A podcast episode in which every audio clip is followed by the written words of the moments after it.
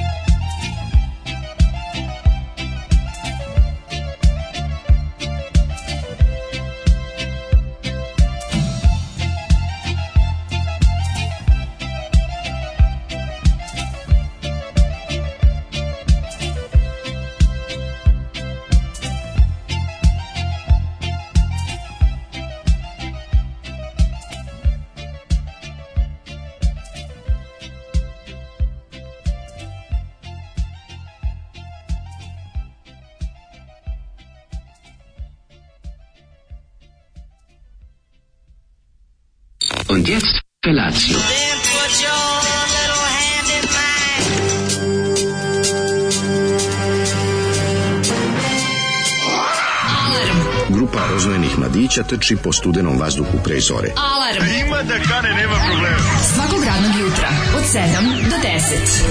Hajde,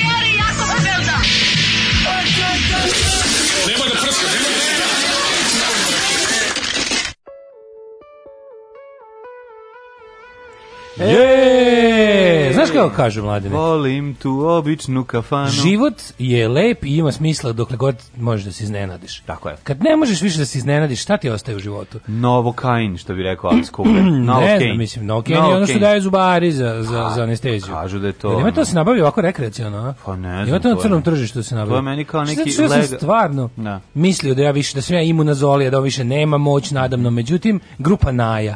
Grupa Naja, Srpska, uh, jugoslovenska regija grupa po, aktivna od 82. do 87. Genijalno, Izdala dva albuma za Jugodisk, dva ono, Kažem ti, mislio, sve je dobro. Gledam ovaj omot i ne verujem. Mislio sam da smo utrnuli od novokaina, međutim ispostavilo se od, od da, Zokina, ono. da nas je ovaj, Zokin potpuno iznenadio sa grupom Mislio Naja. Mislio sam da Zolin, da jednostavno, mm. o Zolin zvuči, kao, mm. Zolin zvuči kao neki otrov. Zolin, da, baš da, zvuči da, ozbiljno, kao, da, da, kao šta je to pa popio Zolin. Molosan i Zolin. O, Zolin je baš jezivo. A gotovo, pa uzdo Molosan. Što je bilo ona gotrovala Zolinom. Zolinom. I, nema. e, grupa Naja i njihov album Kama Tantra, mhm. koji izgleda, znači, znaš kakav on jeste felacija ovo. Čitaju nazad, gledam nešto znači. Pa ne, Kama Sutra, Kama Tantra, kao razumeš, ovo Tantra tantračenje. sa Najom mislio sam sve. A, sa Najom. A omoć izgleda stvarno kao ispornići se. Prosto ne mogu da verujem, to je, to je mhm. ono zlatno 80 kad su dva lika koji su samo to imali u životu, nikad se više nisu bavili muzikom, ni pre toga, ni posle toga. Vjerojatno s razlogom snimili dva re, kao, re, ovaj kao regije. Da, da. da. Regije, Majko Milan, kako njih uhopsili za ovo? Pa nisi ih uhopsili zato što nisi, ozna, niko nije osaznao ko je ostatak benda, jer su dokupili najnoviji synthesizer i stisnuli demo i onda pevali preko toga. Znači, volim kako mi iznenadio da, dobro. Da, da. Aj, e, pazi mene debila. Ja volim što voli da svratim, onako, to je real time događaj iz njegovog života, kako da, se da, vraćaš posla. Curi, curi, curi stihovi, curi sve, curi vinjak. Dobro je. Jako je dobar. Omot, omot albuma Kama Tantra preporučujem svima ako možete da guglate, ovaj vredi, verujte, potpuno vredi.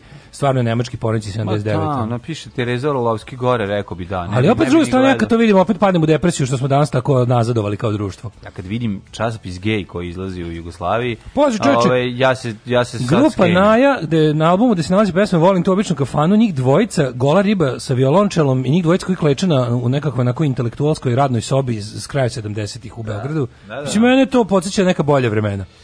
Jeste. Kao, jel, jel, jel, kao neki tako. početak porno putokaza, ono, sve izgleda ono naš, ja, o, i oni, baš je, a i oni kao izgledaju recimo, kao izopačeni intelektualci. Pa to, pa imaju taj vid, da, kao pa da, sve redu, ali ono, da, da, da, da. da. da. Pije isključivo pišečku. Pa da, da malo, kad izađu. Malo, ako super su. malo su super. Momci su super. Ko fini, ono jako lepo mirišu kad prođu, ali vole da natoče. Vole, misliš. Šta? A dobro, urina terapija. Što bi se reklo teletualci? Vidi, ono što, opet se vraćamo na početak tvoje priče. Da. Vidno je važno da te u životu nešto iznenadi. Tako je. Apsolutno.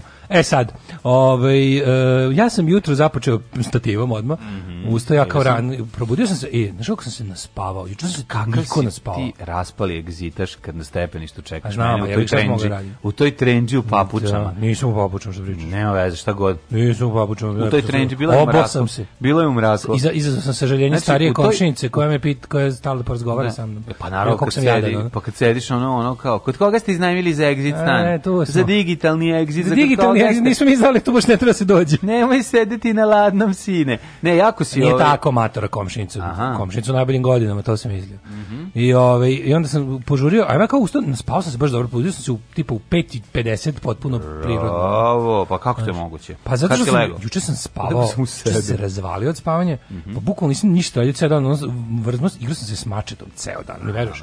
Ceo da dan sam se igrao s mačetom, to je... Sam Potpuno s neverovatno. S mačetom sam se igrao ceo dan, to je to je neverovatno koliko koliko to. Sekao smoku.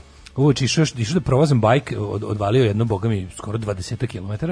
Bravo, vožnje i vratio bravo, se... Bravo, zdravi čoveče. Vratio se i spavao još, zaspao pre 12, probudio se u 5.50, kao rise and shine, sve super. I kao idem ranije, sad ću lepo da odem... Sad zapamtio, viš da može i tako? Pa ne, samo sam se prespavao, pa, nisam, nisam mogao više spavao. Nemoj me zezati. Mlađe, ja sam juče spavao, bre, 14 sati. Pa, pa to ti kažem. Kad sve saberem, ubio sam se. Znači. Lezi u 10 i se ne Zaspao posle emisije, spavao do 5 popodne. Mislim, baš katastrofa. Da, da, da. Ni, nisam, juče sam bio uspeo da zaspiš u 12. Juče sam bio u fazonu. Izvini, pa vam valjda što sam uzeo malo da da se izdrne bajs. Pa znam, da. al ono naš kad spavaš do 5 popodne, ja ne mogu da zaspim. Pa ne, narednik. ali prethodnih 7 dana nisam jednu noć spavao, znaš. I valjda mi kad kad sam da. konačno se potrošio, lepo izgino, ono, da. istuširao se s vrelom vodom mm -hmm. i zacrko i jutro sam da probudim i da, nisam rekao najbolje i dođem ono kao namirim one moje pacovčiće mm -hmm. u mhm. parku, mhm. onda odem ovaj, kako se zove, uh, odem u pekaru Evropa, odvalim jednu ozbiljan zeljanicu, jednu Neka sa pola litre stado moje najdebljeg jogurta sa 128% mlečne masti. Da, ne volim ja tako debele Pa nije, ali nemoj da. drugi, mrzim da. to. Mrzim, da, ali da, nemoj da, drugi. Ono. I ovaj to je, to je jogurt e, obrok, znači ne treba ništa posle toga. To se jede viljuškom i nožem. Viljuškom i nož, tako. I, o, i dođem ovdje vidim da sam, da sam ostavio ključeve juče u studiju. A, da zaboravio, ja, sam i onda si čekao mene. Seo i gledao Kristina Golubovića na telefonu. Kažem, jako Kako da si baš skroz userem onako. jako si ovaj, izgledao tužno, ali nekako i, i mladalački. Pa dakle, jeste. Dakle, sam ja juče To se sve da rensidovanje. To kako sam ja sedeo, to je rensidovanje. Ja sam juče vidio. Ili minor threatovanje. Teško si ti minor threatovo, kako si izgledao, izgledao kažem pa ti, izgledao si kao, kao, Um, egzitaš, egzitaš iz kule, koji čeka ono voz, klasičan, šinobus. Da skoči pod njega. Nego sam teo da, ovaj, da ti kažem nešto drugo, a to je da sam ja juče video mlade egzitaše. Kako? Juče ujutru. Je to moguće? A možda su bili na onom, na, znaš da bio exit? Pa to ti kažem. Snimao se onaj neki exit. Vidio sam troje mladih koji sigurno isli, nisu išli na posao, nego su se vraćali iz, iz, ludog, iz, noć, izlazka, iz da. ludog noćnog života nedelja, na ponedeljak ujutru. Znači, dakle, zanima me šta to u šest ujutru, gde si bio ovaj, u nedelju? I A ima, pa, bio na Karlovom imali, koksu. imali nekih after partija ili je možda zaista bio exit u toku? Koliko je trajao? I slične stvari. Sve me to zanima, ako možeš ti mladalački da mi ispričaš u narednom uključenju. Slušamo. A, ti da malo paruga. Ajde. Čekaj, kaže ovako, ovaj... Slušaj podcast od četvrtka, govorite kako vas pastva većinski ne voli, ali što vas vole, vas vole fantastično. Pa vi ste moderni ljotići. To je, jo, ne znam, leko bacio faznu do kraja nedelje. Pozdrav od ne, nesvršenog istoričara, javljam vam se kad svršim. To je, jo. Svršali, prijatelju. A, kaže, Treba nam dobrih istoričara. Dobro jutro, korone, pozdrav za dob, dobro čovjeka mlađu i middle age cat lady Daška. Samo da pohvalim jučerašnju emisiju, ako neko treba naučiti na vas, samo pustite ono juče i rešena stvar. Šta vam juče tako bilo ja toliko smešno? Ja. Da. Ove, jebate, Zoli, pa lakše pijenom šoferu pogoditi Jelena u repavicu 120 metara nego naći ovakvu pesmu. Ove, ovaj, žalbe na Android aplikaciju, to je, već, to je nekako stalna rubrika već. Da. E, Zoliv izbor zvuči kao da se neko zjebava, ali razumem i zastupam sentiment pesme. Dobro jutro, kurostasi. E, slušam podcast Bedi govorite o Brew Dogu. Sretna vremena kad sam radio na platformi, upoznao sam u Aberdinu e, Nikolu Imenjaka, koji je iz Novog Sada, a glavni je tehnolog u pivari. Mm -hmm. uh, kaže, upoznam je tada sa svim vrsta pivama koje su pravili i bilo je super. Da, predivna piva. Ove, um, krećemo Belinda Karla, ali setim se kad ste krenuli s Guilty pleasure i ona bila jedan od prvih daškovih izbora. Ah, lepi dani kad četvrtkom nismo krvarili iz ušiju. Uh, Inzolin by Zoli. Mm -hmm. uh, videla sam, kaže da je juče grad Novi Sad delio sredstva mladim preduzetnicima za podsticanje samozapošljavanja. Baš sam nišanjala pogledom, ali ne vidih vaš vas dvojicu ne, mi smo mi smo Nije, mi smo van tih tokova finansijskih. Mi smo, mi smo šest svetova da, da bi se postigla potpuna neovisnost e, ovog tipa, potrebno je i da e, Slavinu ne drže ljudi koji mogu da je zavrnu. A, e, hteo sam da Phantom Slayer napišem Zolivo ime korektorom na Texas jakni. Pa vas pitam, se piše Z O L L Y ili Z O L Y? Piše se z, on on kad pravi svoje da. metalsko da. ime. Piše sa dva L i tačke na O. Naravno. Znači, ako hoćete baš njegov fazon, znači mhm. uglasta šiljata slova sa sa sa špicevima, Z O L L Y mm -hmm. i na ovaj on i tačke na L u stvari. Tačke na L. Tačke na L, on je izmislio mm -hmm. to. Zašto, pa, to je takozvani metal umlaut. Umlaut, da. Metal da. umlaut, ovaj, kaže, ja se ubila od spavanja, evo, u, u, evo, ubila sam svoje prvo. Uh, alo, brat moj, kako otkrovenje ovoj familiji obe najjačije, valjam se na patosu od njega. Dobro jutro, Kurban Bajramlije. Ima nešto novo iz zapada, nemaš ništa. Slušamo Imamo Hanoi Rocks. Slušamo Hanoi Rocks pesmu. Mm Slušaj ovaj rock. Ja znam Hanoi Rocks. Ti će slušati. Ja Hanoi Rocks. Ovo s povratničkog albuma prvo. Ah, Hanoi Rocks. Znaš, kad nisu par godina izdavali, znam. pa 12 Shots Kukić on the Rocks. ima sve original CD-ove. Slušamo ih od ranih 90. Ajmo.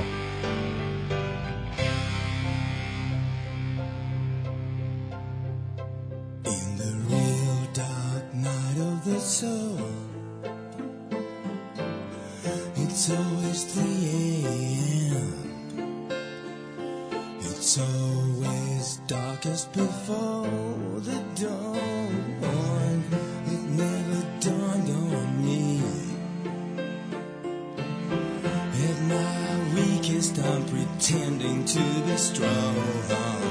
Sometimes the demons are too hard to control.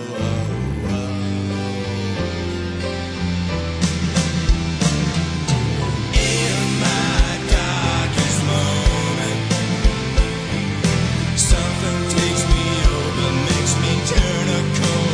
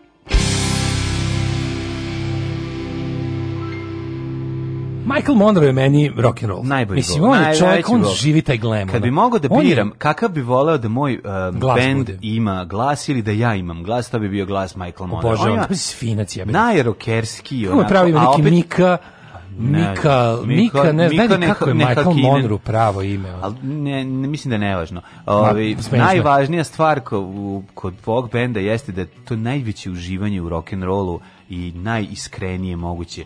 Um, iz, izbacivanje iz sebe roka, znači Michael Monroe. Mati Christian Fagerholm.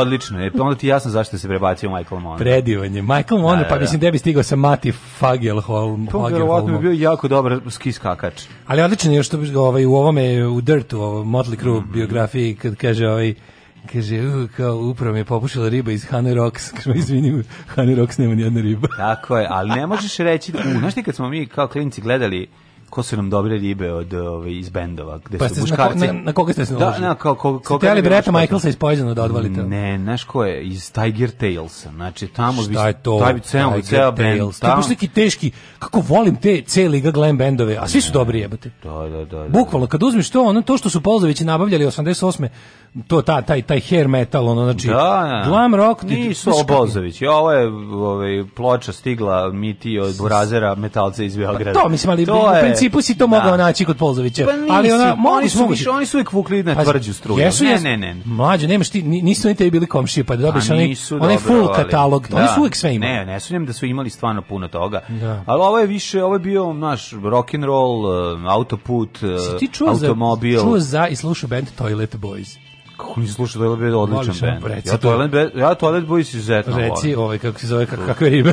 To je odličan bend. Reci kako rime, nema ni jedne rime. Oni su na, to je poslednja faza glama, to je sad pre, da, taj pa band, neo glam, to je, to je, to neo, to, to, su, to su e, druga polovina 90-ih, ta da, LA scena, da, da. ono, mislim, kao. Dobri su, dobri su. Ne znam, dakle su oni, su tamo pripadali, ono, kao. Da, da. Kako je tu ludnica, čoveč, meni je vjerojatno da... Kažem ti kad na slikama a ne možeš da proveriš na internetu jer imaš samo da, ploču. Da, imaš samo ploču. I kažeš, jo, ovo dobra riba. Još za Jamie, pa ne znaš da, muško i žensko. Kao, jevo te, ali dobra riba svira da, bas. sve pa ne znaš da li izjaviš, ona Dobra riba je kao kod nas što vreme na, na community. Kod Glema, ovaj, kako se zove, kod Glem pevače, dobro fora što su, iako su izgledali kao ribe, su voleli u, ovim, u onim spandex eh, odeći da, da, da, da kobaja zavreba. A pa dobro. Znaš, pa si mogao da znaš otprilike. A, kako, da. Ostavljali su, onom ko želi da zna, ostavljali su mogućnost. Ali nisam želio želeo da znam. Nisam želeo, tako je.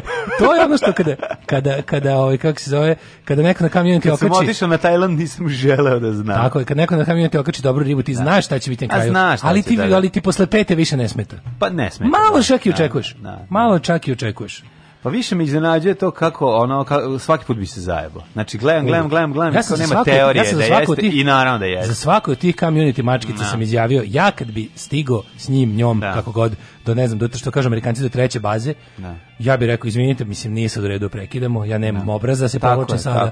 Čojstvo je. i onaštvo mi ne dozvoljavaju. Tako i pazi Biće, šta će i biti. pazi da mi ne porušiš stvari po kući. Tako je. Što je osnovno pravilo. Da. Jel imam puno ovih figurica po Skupio sam iz Kinder jaja. Skupio sam ih i čuvam ih, neko će to pokupiti. Ti pustiti nešto od Idolsa. E sad će da izađe, treba da izađe novi Idols, jel da ovaj kako se zove Ultramono. Od Billy Idolsa? Da, od njega. Biće, pa na. Ove, juče sam zbog posla bio na prednjačkom osinjem gnezdu na prnjaci koji vladaju Beogradskom opštinom Palilula. Slušao sam razgovor jednog od njih sa nekim tipom iz Novog Sada. Oni spiskovi Goraneca koje sam mu poslao su bili dobri, svi su glasili za nas u Novom Sadu. Jedini highlight jučerašnjih dana Pećko pivo koje su na naprednjaci doneli od nekud. Da. Pećko A, pivo nisam probao, ali... Koliko nisi, to je bilo jedno Pečko od onih... Pećko pivo onako, ne prodam, sve popio sam. Sada peja bir, poznati kao... Ovaj kren... Ej, ljudi, dobro jutro, krenuo ponovo da mi se diže. Biće da ga lekovi više ne sputavaju. Bilo je do premora materijala. Kaže, slobodno pročitajte poruku, imam sluške, a žena mi spava.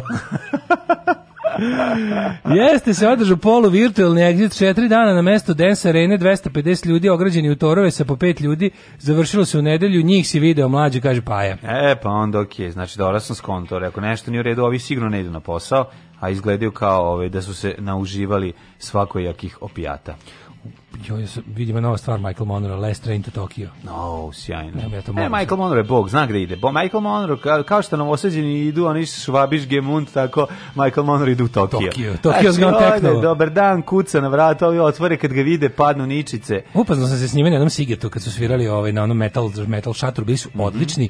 Znači, bilo je, uh, e, bilo jedno 500 najluđih fanova. Da. Odlično. Baš, A koji baš na Helasima, koji na Turbus? Isto ko na Helasima. A, da da. da, da. Isto ko na Helasima bilo, Hanoj Rocks pokidali volim što sam steg stignu, što sam steg, što sam stisnu da kažem ruku tom čoveku. Neka si mu stisnu, ono. da kažem ruku. Nema muškaraca u redu je. Ala dobro stiskaš. E, stiskaš. E, ja sam Šta ovaj, juče? Juče, um, da ti kažem, posle 100 godina sam pokušao da ubacim basket loptu u koš. Sve I... si reći, album se zove One Man Gang. Da, ne možeš bolje. Pa kako je dobro. Volim ja to vreme, ma imam, onaj, imam još jedan njegov solo album. Not ne, Fake It. Ne. Man with no eyes. A ne, ne, još jedan, još drugi, drugi. Nemam Dead Jail Rock and Roll, to je sad. Znači, koliko on ima ono solo album? Ma bogotac bre. Da, da, kralj. Znači, slušam samo Michael Monroe i samo Hannah Rocks. Može, može, neka ti to bude dan. Pa lepi život, to kad slušaš, ovaj, pazi, Finci, to je jedna, Finci bre... isporučuju LA muziku, šta ćeš da, da lepše, da, da, nešto, to, je pa jedna, i to je jedna nepobediva vera u A kad život. Michael Monroe izvedi saksofon, kad niko ne očekuje, Jest. pa ga iskida. U matori, kad znači, iskida saksofon. ga ko Sonixi. Nemam pojma odakle ga izvede toliki saksofon. Pa izvede, ali ga izvede. Ga, šta niko ne konta da ga ima za leđima. Kad ga izvede. Zabaci ga za leđa, onako, naš, i onda ga sam... Kao šmajser i krene. Tako je, naš, onda kreće, ona kako se zove na riba, što su svi čalci jako Candy Dalfer. krene Lili was here. To je Candy Dalfer i Dave Stewart, ja da, mislim. Da, da, da. To je da, iz Eurythmicsa. Da. Jo, to je muzika, ono, za vožnju s mora. Noć i vraćanje s mora. Da, da. Na ovaj, ne radio. Ona će kaže, ovo je dobra stvar. A što ste sve dobra stvar? E, to je dobra stvar. E, a kaži mi, probaj se da ubaciš u koš. E, da, Kako mogu reći, bilo pa mrtvih? Nije, ali no, ovaj, nisam, bio, nisam bio toliko tragičan koliko, ću biti, koliko sam mislio da ću biti. Ove, tako da je naše juče boje jučerašnje sportovanje sa ove, sa starim sinom koji pokušao da ubaci znači napravimo kombinaciju koju on baci loptu koliko može jako a onda ja skačem na tu asistenciju i Kaži zakucavam. Mi, jel će biti umetnik ili jel će biti sportista? Pa to ne znaš. Kako čovječ. ne znaš, čovječ? Ne ja se dobar i levo. U mom prvom levak je, s loptom levak se je, da... Levak je, ali cepa jednom i drugom rukom. Levoruk da, znači. je ona? I levo, da, da, da. I levom i desnom lupo Jede zemlju. i crta levom. No ne, nego cepa, ono tap, tap već, tako da ne, ne, ne, ne, ne mora da znači. drži o pribrzo jelo u jel levoj. U levoj, da, da. I da, kad da, hoćeš da. crta, crta levom. Sve crta levom, sve radi levom, samo što tapka, sad kad sam gledao da je tapko, tapko je desnom. Ali onda menja menjao. Tako da, da nemam ne pojma vidjeti. Ne, ne, ne, meni Ćala rekao da, da kad mi prvi put bacio da. loptu i video da više neće uzimati ono. Da, da, znači, da. Znači ono imam imam i super 8 snimak. Znači Ćala bacio loptu ja idem trčim za leptirom. Da, da, da. Ja trčim za leptirom, ono pa pravi. Ono, Ne mora da znači da ono voli šutnut loptu i voli, voli, voli loptu, ali ne znam, ne znam da li će imati taj sportski duh, ipak za to moraš da se otimaš. Znaš, pa tvoj da Burazer, ko je sportski, ti ili Burazer? Ma ja sam Stvarno. Gde on? Pa šta je on, onda invalid? Ja sam bio dobar, ono, pa sad jeste. Ali ja sam bio posle ovog pucanja ovaj, onog L5 uh, u kičmi. Ali, ovaj, polu invalid. Di, ali diskurs sam, hernija. Da, eto, ali sam, o, ja bre, bio sam dobar. Ja sam na basket bio dobar. Na futbolu nisam, jer za futbol moralo da se baš guraš ona i šutaš. To mi je bilo ono užasno. Ona nametljiva nenametljiva priroda ti nije dozvoljava. Pa mislim znao sam kao Binić da se zapucam na ovaj niz, do out linije do kraja, onda ovi busanci zalete pa me sruše. I o, jednostavno ove bambi noge nisu bile za to, ali u basketu sam nisam bio loš. Može ono, mislim nisam bio najbolji, ali voleli su me u timu, zato što sam pričao dobre vice. Apsolutno, pa, bio si, bio si da. joke da. Tako da, ove, ovaj, što se tiče sporta i na što sam u čemu sam bio dobar kad je trebalo visiti na onom, znaš kad te podignu da se okačiš uz gib, pa da vidimo koliko ćeš moći da stojiš. Aha, da, ja nikad nisam mogao napraviti, ja nisam mogao napraviti ni jedan zgib, tako da to rešeno. Pošto sam bio Jasenovac, mogao sam da, da. stojim u tom zgibu onda 45 minuta. Znači sledeći čas. koji je čas... kod vas u kvartu bio naziv za, za, za, mrš, za te tako mrš, ja sam bio, ja sam bio užasan, ali su vas zvali Jasenovac ili Auschwitz? Kako ne, zvali su nas nesvrstani ili ovaj, Uh, bilo je UNICEF. A znaš kako su, nas, znaš kako su mene, UNICEF Vasketa i, i ove ostale... I ostale ove, a zvali su nas i Auschwitz. Auschwitz, da, da, To je da, bilo da, da. nekako univerzalno. To su stari govnari. Pa znaš kako su nas stari govnari zvali? Štakljari. Štakljari, da, da. Daj one dva, one, one Vaski, one Daško, da, štakljara. Nemoj, nemoj mi njih u ekipu. Da, da, kad da, se da, igra nešto. Pa dobro da ne. Štakljari, to je bilo da, izraz za... A znaš kako je bilo kad se Znaš kako je bilo kad se podele? Uvijek se dva najjača dele i onda pa biraju da, i onda biraju. Da, da. I onda reslovi, ono, znači, zna da, se da, ko su, da. ja sam, ja sam reslo, reslova bio, ono. Mm. Me, me, ja sam bio toliko, toliko me niko nije želeo u ekipi, A. da je bilo ono kao, aj bolje, aj neka, uzmite ga vi. Ja sam bio zlatna sredina, znaš, bilo je, ono. Što što što sam pa bio Kad kod nas u kvartu su igrali fudbal. Što se ja znam, mogu da pimpujem do 1000. A spio car bre. Šta si mogao? Da pimpujem do 1000. Da koja 1000? Di di di pimpuš loptu. Loptu pimpujem 1000 do 1000 arke do hiljadarke. Pa to počelo 87. još sam izračio. Evo, evo da ti učinim e, hvala. ali sam mogao, ozbiljno ti kažem. Ovo je bio auto. Ovaj... Sam sebi sam izvrteo da bi, da. da bi zadržao kontinuitet ovaj, kad se neko, neko ne veruje. Ozbiljno ti kažem, evo doneću ovde loptu, ovaj, daj mi nedelju dana da se malo vratim u... u... Jesi, si bolji od Tanje Žagar? Ne znam koliko ona može. A, ovaj, kako se zove, pokazat ću ti pomoći, e, to, to, naj, to je moja miljeni videoklip. Ne? Ne znam, ja, ona ali... pevačica slovenskih popevki što Pa sad bi recimo mogu do sto verovatno. Slušaj dva miliona klipa menjava gume, menjava gume i i i ovo pimpla pimpa, lopra. pimpla Pa zato, oni kaže neko kaže pimpla, nego pimplanje je pravilo. Pimplanje, a mi smo govorili pimpla. Pa i mi smo govorili pimpla. Da, da, da, da, da, to ne da, nepravilno. A, Šta si ti radio? Uh, juče i kad mi se ono radni dan ovaj završava jurenjem poštara, a mislim što danas isto da bude. Pošto imam imam sad taj novi pakt sa mojim novim Posta Express dostavljačem, to imamo kao ono da mi ne ostaje da ne idem na poštu, onda pošto on mene dođe ujutru i onda ne zatekne nikog jer sam na On zvoni dva puta pa te odvali kod Jessica e, onda me nazove, onda ja njega nazovem Pa mu kažem da, um, desi Jessica. te mi kaže, desi, desi Jessica, desi ti Nicholson. A ti kažeš desi Jack Nicholson, desi onda Jack pozvoni Nicholson. dva puta. Da, i onda, onda, i onda se jurimo, ovaj, onda on mi da. kaže, da, ja sednem na baciklu, stignem ga i onda s paketom tako idem kao onaca, pošto sam da, sebi. Da. da. Ali uži su mi stigli, a kako sam, stigao mi je ovaj brez XX putnik, flontit. Znaš kako, kako sam kupio za jako malo para u savršenom stanju, a, novu kažem, ploču. Te ploče, tu ploču, bože. Ne, te ploče, velikim tražima bilo. te ploče možeš naći stvarno dobro. Da, ovo je bilo 400 sa poštarinom, ono. Mhm ali je ovo, ali kako ja, kako ja, Škog sam, ja sam juče to šest puta preslušao. Generation X, ba, da, pa Tony, James. Tony James, da da, da, da, da, da. Ja sam juče to šest puta sam okretao. Kao kad je super album. Znači, to je meni toliko bilo, ja se toliko mm. dobro osjećao od toga da kad znaš što drugi, prvi se zove Flaunt, ta drugi. Nije to ni to čak ni prvi, to je ne znam koji. Pa- treći. Pa, nama je bio prvi. Nama je bio prvi, da, ali to, znači to je ona ploča što je gledaš 2 sata gledaš da, da, omot. Da, da, da, da, I ja to ja, ja sam imao kasetu originalnu. pustio sada ovu. Mislim da imamo. Da, da. Ukucao sam search zig zig da ćeš naći. mislim da bi trebalo Love Miss LF 111 bi trebalo da imamo. Mhm. I znam onako i te ja znam koliko sam se ja ovaj, kao klinac, kad sam to kao slušao, pa kad sam te, te izraze koje sam tu prvi put video, da. Našao ono kao, ne znam, kao, te, te, ce, cela ploča je zapravo gomila nekih frazetina, ono, razumeš, i omot je gomila frazetina, ali to sve tako neke iz, iz da li iz vojne terminologije, kako si ga našao? Da, da, da. Ili, ove, ili iz tako neke, nešto, znam na stvar koja zove mass, Massive Retaliation. Da. Koliko je to meni bilo moćno. Juče kad sam pustio Massive Retaliation, je bilo kao, jebote, bit će sve u redu. Kao, to je bio miks budućnost dobrih, tek bio, treba da se desi. To je desi, bio miks ono. dobrih rifova i jako puno efekata. Surudih, potpuno debilnih, da, da, Atari da, da, efekata, yes, znaš, da, Atari da, da, Baby, besmo. Znači, kad sam je čuo tu ploču, pa onako zagledao lepo, onako, kažem ti, sedeo sam, ono prilike i gledao ploču 45 minuta, dok nisam proučio svaku onu glupost, ja, ono, sve te što piše. Detalja. Detalje, onako taj... Jesi znao da je album producirao Đorđe Moroder? E, nisam nikad gledao. Kad da, razmisliš ima da, smisla, pa ima ali smisla, nisam da, da, da. verovao da je to ono. Da. I ta, to je taj, pa taj dizajn, znači, Ne, sve je to super. Ta, to, to, to, ta, to doživljavanje budućnosti. A uzeo sam drugu, drugu ploču koja mi isto iz te u mojoj glavi, iz iste te, ono kao, ovaj, pripada u istu kategoriju, ovaj, Transvision Vamp. Ne. I onda sam se setio, kad sam bio Transvision Vamp ploču u ovome, u bazaru, i posle sam je gledao u onoj seleni ali kao klinac sam je video u bazaru. Isti, znaš, kad sam, kad, kad sam izvadio ploču iz paketa i stavio onako na onaj moj now playing što sam napravio i gledam i kao, jebote, isti, tačno sam prizvao taj osjećaj iz iz onog penjanja uz pa pokretne stepenice u bazaru. I dok jedeš baciš draže, pogled na levo. Dok jedeš draže sa naranđama. Znači baciš pogled na levo, tu su uh, starke i ploče. Mm -hmm. I onda jebote ono stoji kao no, kao novo, novo stiglo i tu bio Transvision Lamp. I ja sam ja sam bio fazon kao Wendy James pevačica i onako ko je ova, je šta je ovo, šta je pa kao mogu da, pa da Dajte mi samo omot, ne moram da slušam. Ploču, Dajte pogledaš, mi samo omot. Onako, znaš, ono. Ništa mi A drugo. Keva gleda, ovde sprati iznad da gleda materijale, znači. Naravno. I onda ti to kao A tepike? tu To je još spratizam. Još i Ali Keva, gledam, da. znaš šta je bilo super što je na, znam kad su bili klinici u bazaru i na istom spratu su, je bila raketa, Mm -hmm. uh, na istom bila raketa, bile, bile su ploče, bile su starke, bile su igračke. On šta će šta ćeš više? Šta, šta će ti više? Ono?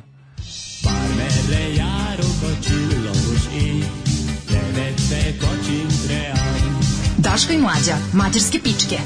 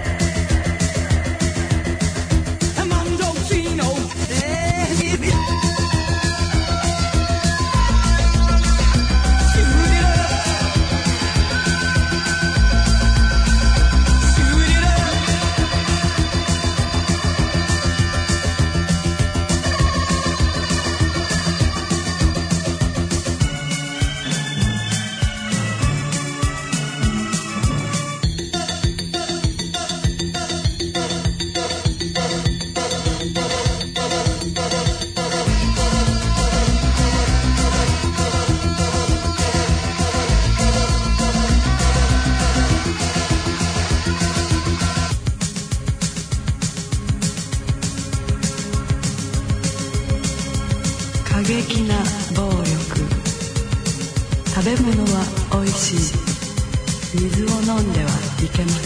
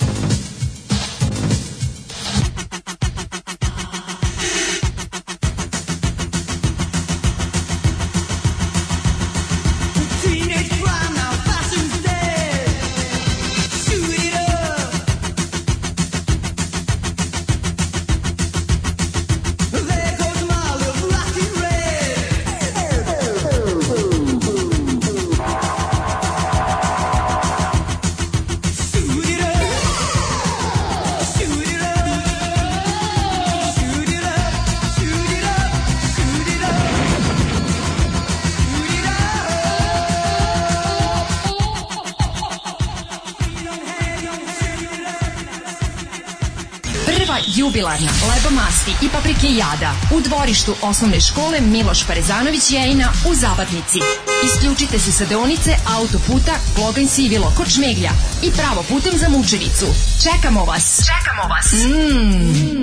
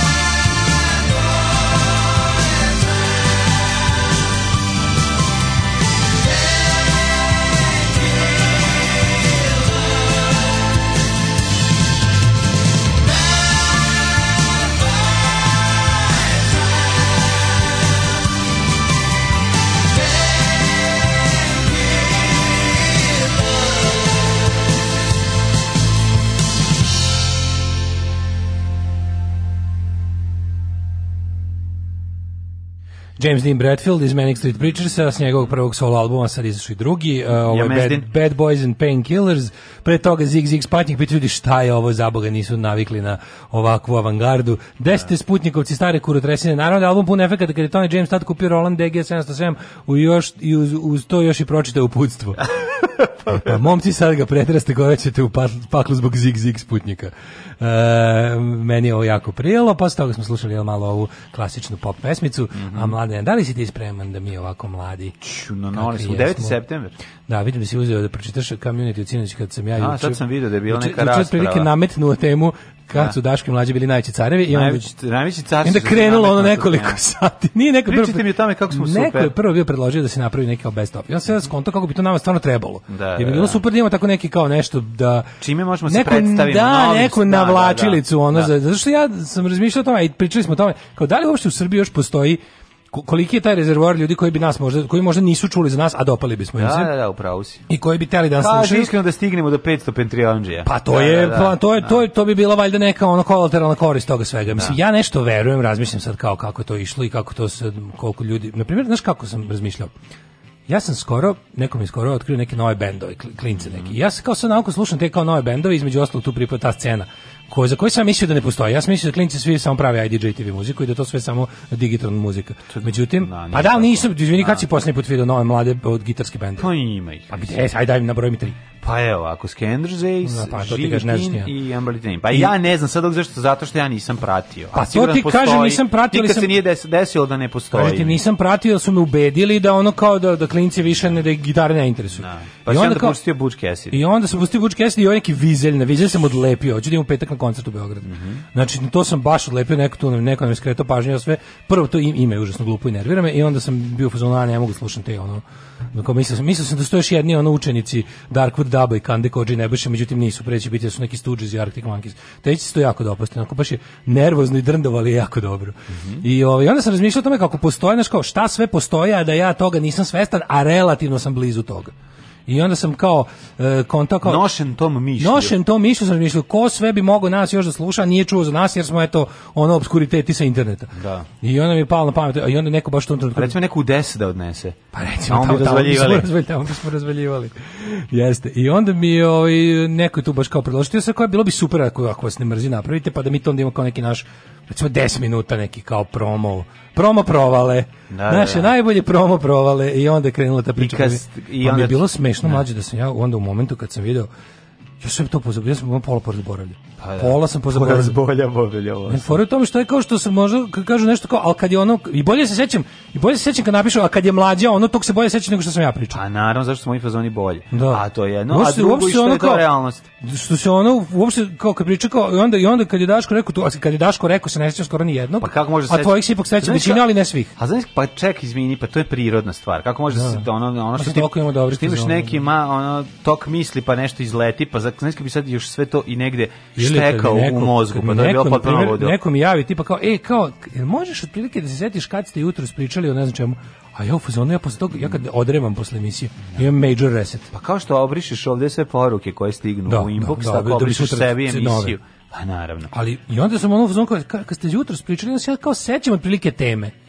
A kad bi se ja setio šta je ko rekao, znači to bi bilo, a što je neverovatno, inače super pamtim. Jebate. A ovaj demo, mi se će zvati Serdar Vojvodstvo. Pa nije, bre, ne, mi baš nije, više sam se onako... Ne, meni, meni sjajno što kam Unity toliko pamti. Do. Znači, ono, sever Do. pamti, to, je, to, je genijalno. To je kao neki rezervni procesor. Jeste, ono, nek, pitaćemo ljude i, ove, ovaj, i s njima ćemo se, se prijatno Drugo sam se prijatno iznenadio što to sve neko, neko, uglavnom krudi, kačio i na YouTube. Pa da. I onda mi je bilo ono da, tako da je bilo malo ovaj, dok sam recimo sinoć čekao klopu u, plje, u pljesku, sam ovaj, kako se zove, malo slušao naše stare fazone i mi govorio, bože, stvarno smo smešni. Pa je tako, je, to je najlepše kada ona pogleda. Bože, stvarno smo duhoviti. Ja sam više kao Dragan Nikolić ne gledam svoje filmove, ali dobro, mislim, to je zato što sam cool i privatno opušten. A znam. Da. Ove, ovaj, ajmo, nego, u ajmo u prošlost kada je sve bilo bolje. Kad smo izvaljivali te dobre fazone.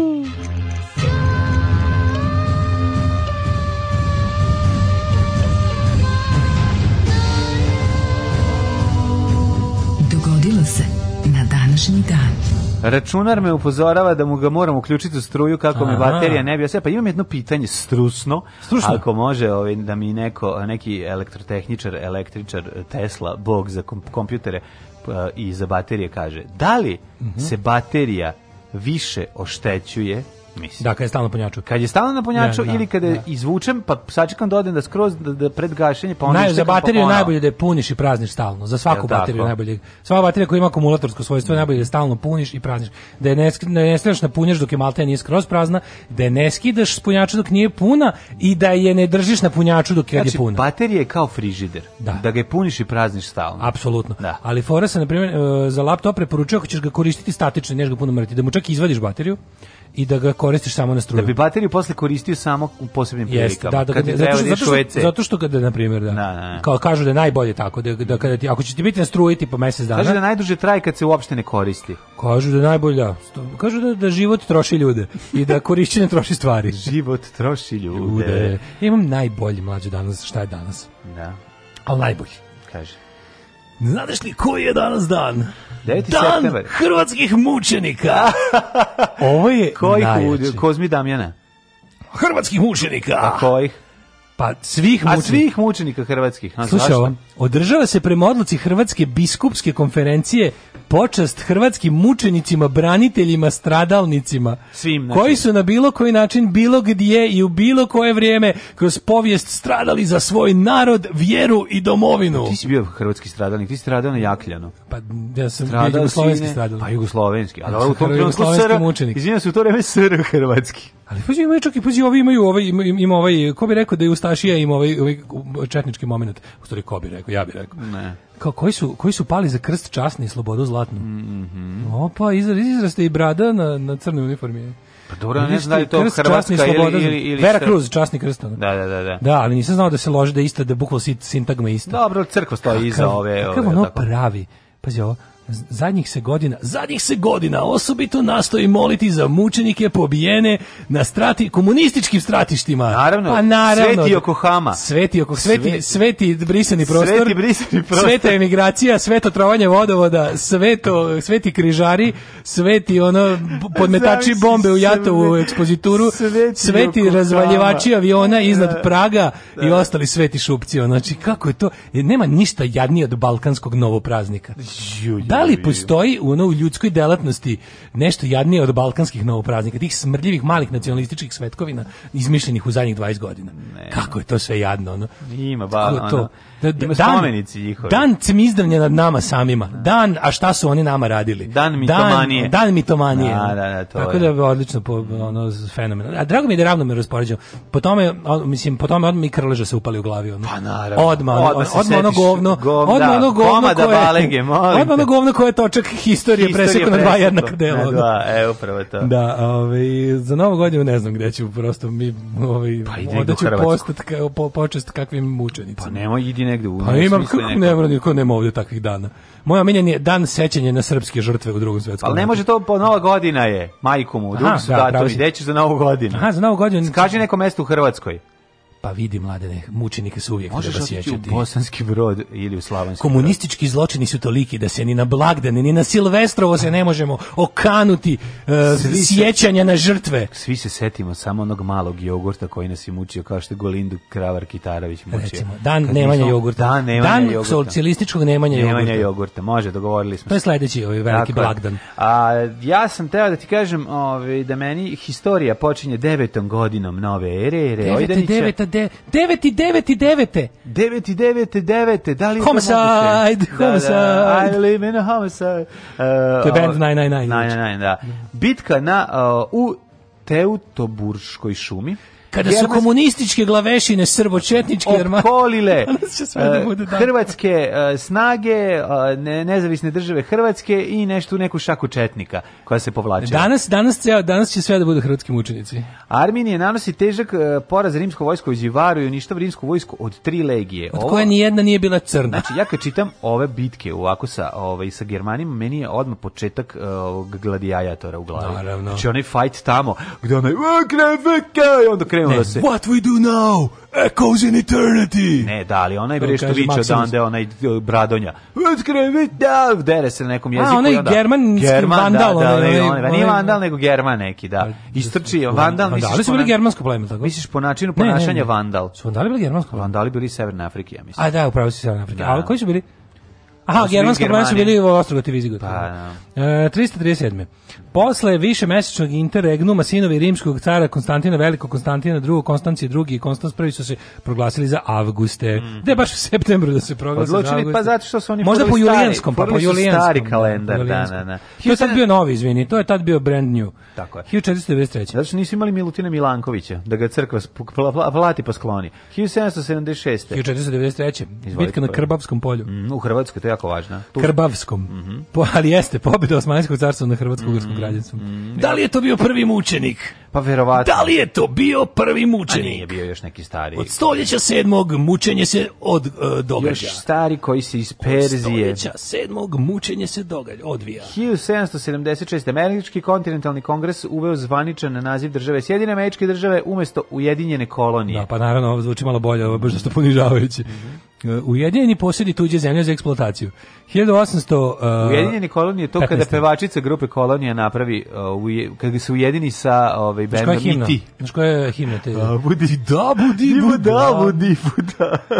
da ide ovako. Kako se zove Indi, in, Indira? Indira, da. A ne, ovo se Gandić. Se preziva. 1815. Mm -hmm. Odlukom Bečkog kongresa Luksemburg postao autonomno veliko vojvodstvo doduše preko vladarske kuće Oranje Nassau u personalnoj uniji sa nizozemskom. Mhm. A 1850. Kalifornija primljena u Uniju kao 31. američka savezna država. Znaš ti kolika je Kalifornija? Znam, pa o, a, a, Kalifornija je osma ekonomija na svetu. Kada bi, ne znam, kada, kada bi gledali nezavisno. Kada bih, e, kada bih ja birao gde bih živeo, živeo bi Kalifornija. I to na sredini Kalifornije. Pošto Kalifornija je toliko dugačka da ide, ide dužinom, cel, visinom cela, cela da. Sjedinjih američkih država. Znaš kojem bi ja gradu bio? Samo malo govorimo o Washingtonu. Santa Cruz. Ja bi odabrao Santa, Santa Cruz, Cruz. zato što tamo da. skejtovi zbog toga. ti i gitare. Znaš ti da. kako mali Santa Cruz. E pa Santa Gibson i Santa Cruz, tako? Nije. Nije neka firma, ovaj, neki... Ne verujem. Nije neko od tih poznatih firma. Znaš koji Santa Cruz? Ko? Peralta. Pa dobro, svi ti, kako se zovu, skateri.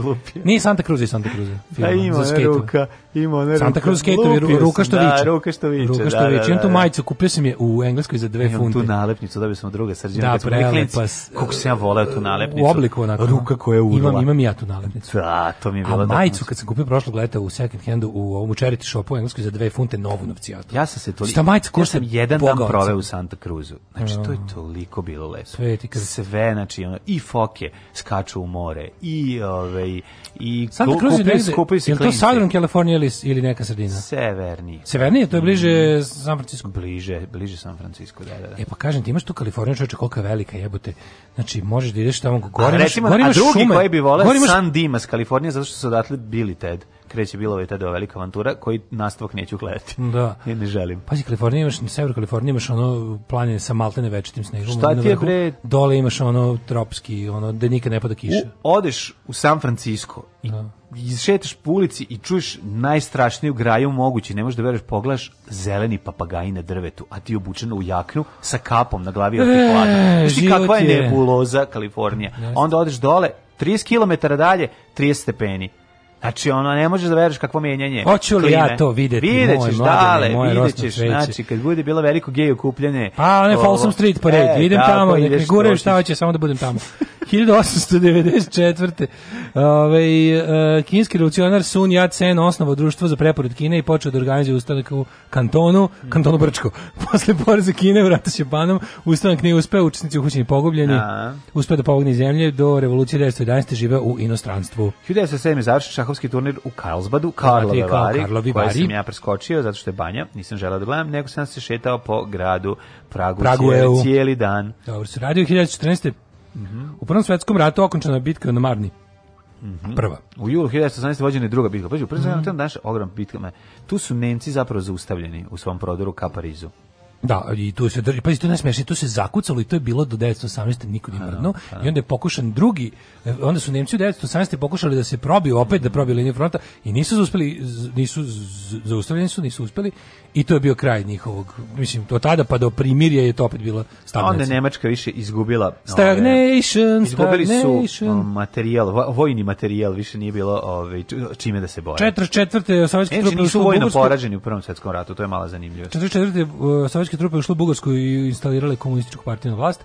45. trupe SAD iskrcale se na kraju drugog svetskog e, rata u Južnoj Koreji. Mm -hmm. e, sovjetski su od Japana preuzelo severno, a 38. paralela postala linije podele dve korejske države, što će kasnije, pet godina kasnije dovesti do rata. Ovo sad imam tek 87. E, imam 52. Ovo je jako strašno.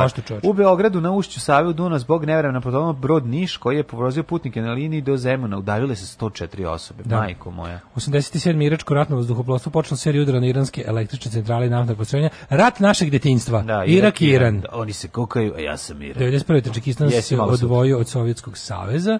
93. Izrael i PLO sporazumeli su međusobno priznanje otvarajući put ka okončanju sukoba Arapa i Evreta, one konačno ono priznavanje takozvano two state solution. Na 2006. 2001. na jednom od malih predsjedničkih, hajde u tajfunu koji je pogodio priobalno područje kineske provincije Guangdong, naravno, poginulo više od 130 ljudi, a hiljade povređeno.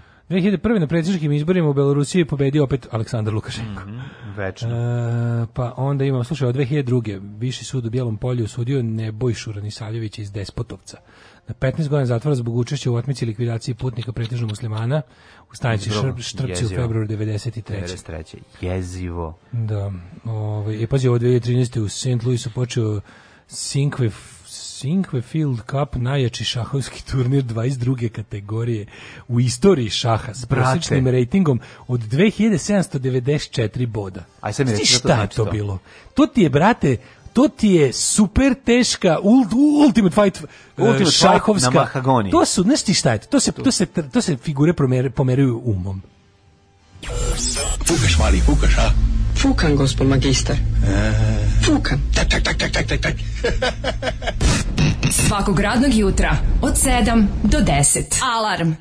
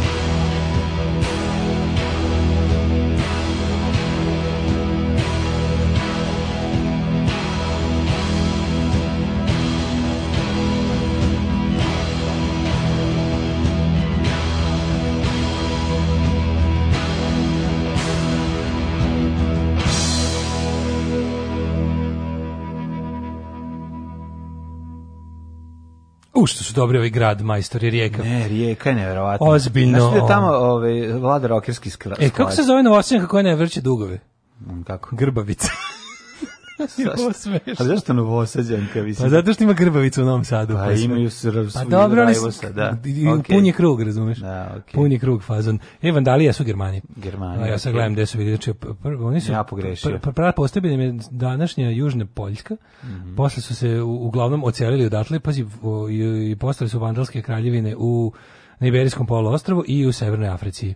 Ali su, pazi, svugde bili, čak su i u ove kraje. Ja da sam ja dobro rekao, da su došli iz severa. Sam rekao da su došli sever, iz, iz Severne Afrike. Nisu došli, tamo su otišli. Pa dobro, nema veze, ali su živjeli tamo. Tamo su otišli, što je dosta interesantno. Dobro, sad i kad pričaš o Srbima, ne govoriš o Srbima iz, koji su žive u, u ovej iza Urala, nego ne, pričaš sad više o, žive. Sad pričaš o Mislim, ovi vandalskom vandali su se utopili ostale narode, ali je... Ovi, tako, ali su divljali po ove, Severnoj Africi, to je ono što Južne Poljske današnje su oni tutnjali krenuli. tadašnji kad su vandali krenuli, kad su vandali ste Poljske krenuli gore. ste Poljske gore, pa preko Španije, za Španiju, tamo da se...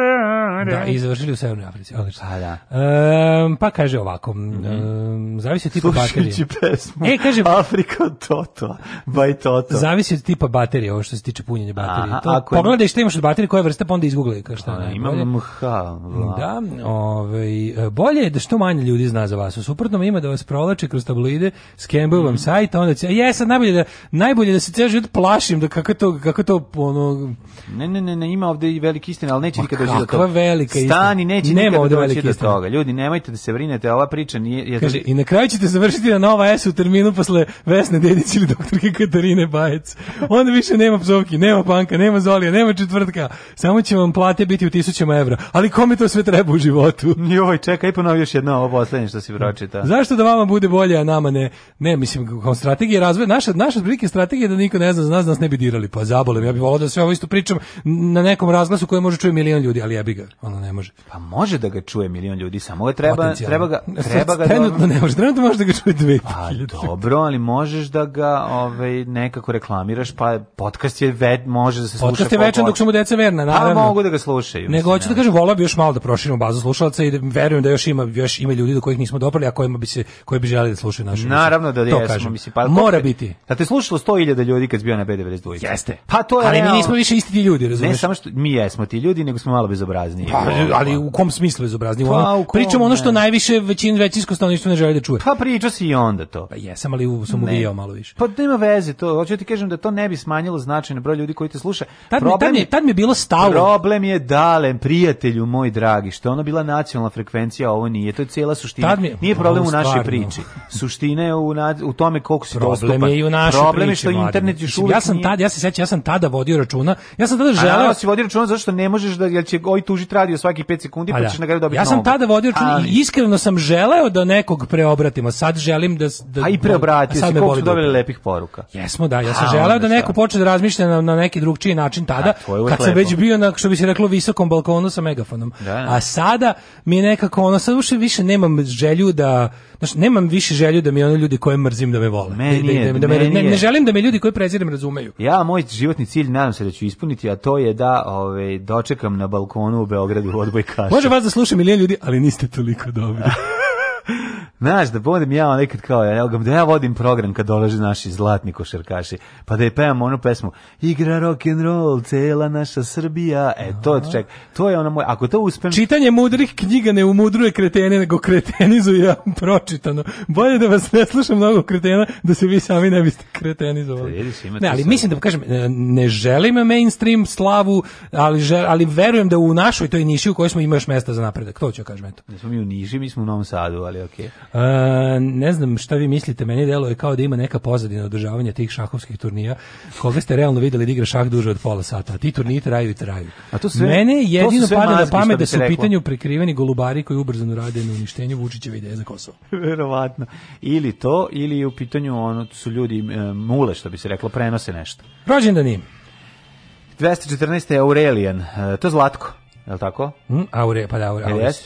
Auris je Zlato, da. Zlatko. Zlatko Manojlović, rimski car, jedan od najvećih vladara Zlatko trećeg Zlatković. veka. Zlatko Zlatković. Naravno. 384. Rođen Flavije August Honorije, prvi car zapadnog rimskog carstva. Mm -hmm. 1585. Rođen Armand Jean de Plessis Richelieu. Richelieu, francuski Richelieu. kardinal, jele, jedan od, od sive eminencije. Mislim, Pjuter Richelieu zapravo... rođen u 16. veku, nisam znao. Kako ne? Svi znamo da kasnije. Te, pa sećaš se kakve su kubure i sablje koristili florete, ove, tri musketara dok su se borili protiv njega. Ej, ovaj, na naš dan je Luigi Galvani koji je otkrio galvanizaciju, proces mhm. galvanizacije. Šta je, šta je gal, galvanizacija?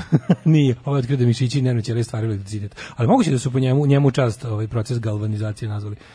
1772. Eh, Kak, Joakim Vujić. Ti vid, molim te, google Joakim Vujić. Ma vidio sam re. Kakav dika manažer. Pa nije toliko dika manažer. Šta nije, pogledaj ga čoveče. Da, dobro, znači, malo. kao Miše Janketić koji je Više ono... Miše Janketić. Ali dika manažer. Više Miše Janketić, ali je zajeban. Nikada pogledaš Joakim Vujić. Kako to bi da 1772. bio golobrad, to mi nije jasno isto, svakom čast. Pa bilo je tad već čoveče britvo. 1772. Pa bričenje pa već postalo. Ne radi se da nije postalo, postalo je ranije prika moj da ti meni živi. Ne, kako se nije, kako kako nije umro nego, od raznih infekcija. Ne, nego nije bila ova, ta pa prva stvar, druga stvar nije ovaj, bila moda tad.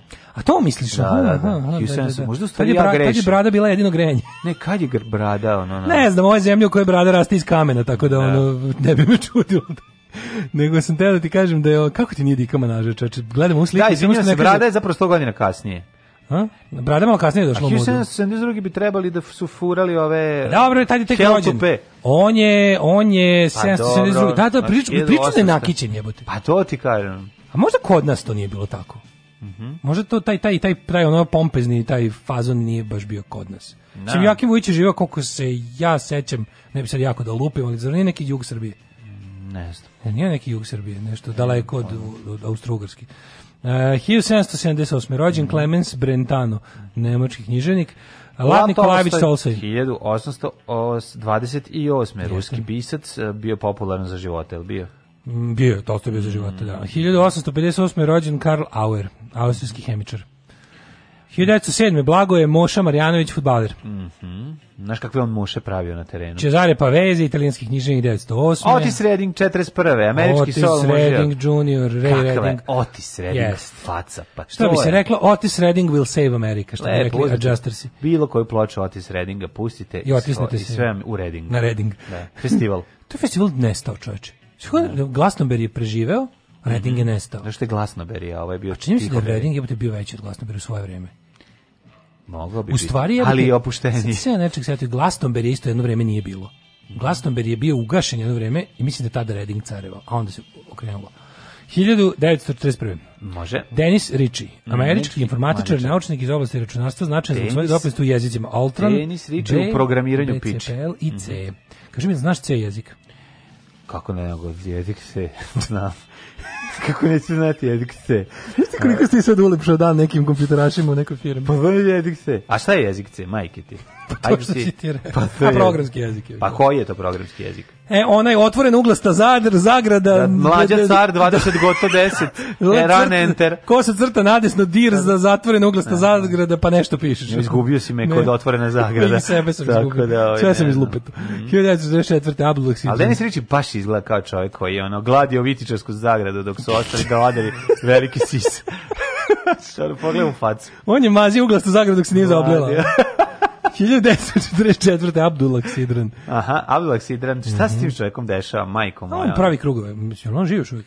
Živi, ali živi, ono što je najbolje, znaš, to je neko tako na momente Ovo je bosanski potpuno, bosanski usud. Pa nije znači, usud na momente, on i Kusturica, Kusturica znači zajedno, oni da, su da, najveće najveće domete su mm, postigli mm, kada se kada je bio u, u, u kako bih rekao simbiozi, Sim, fuziji sa Šupkovim. tako je. Koji tad nije bio Šupak, baš zbog da. toga što je bio simbiozi pa s njime. nisu bili ni jedan drugi Šupci da. verovatno ili su onda, možda ne znam. Onda pazi, onda dođe do raskanta. Mm E onda jedan postane Šupak Abdul Sidronistom ono ostane na kako bih rekao stand his ground, ali onda su oni imali istorijsko pa imali su onda istorijsko političko pomirenje koje se opet neko razumevanje, šta ja to ne pa, razumem. Pa, oni su se povega bre posetio bio, bili su se pomirili i oni su opet popičkali.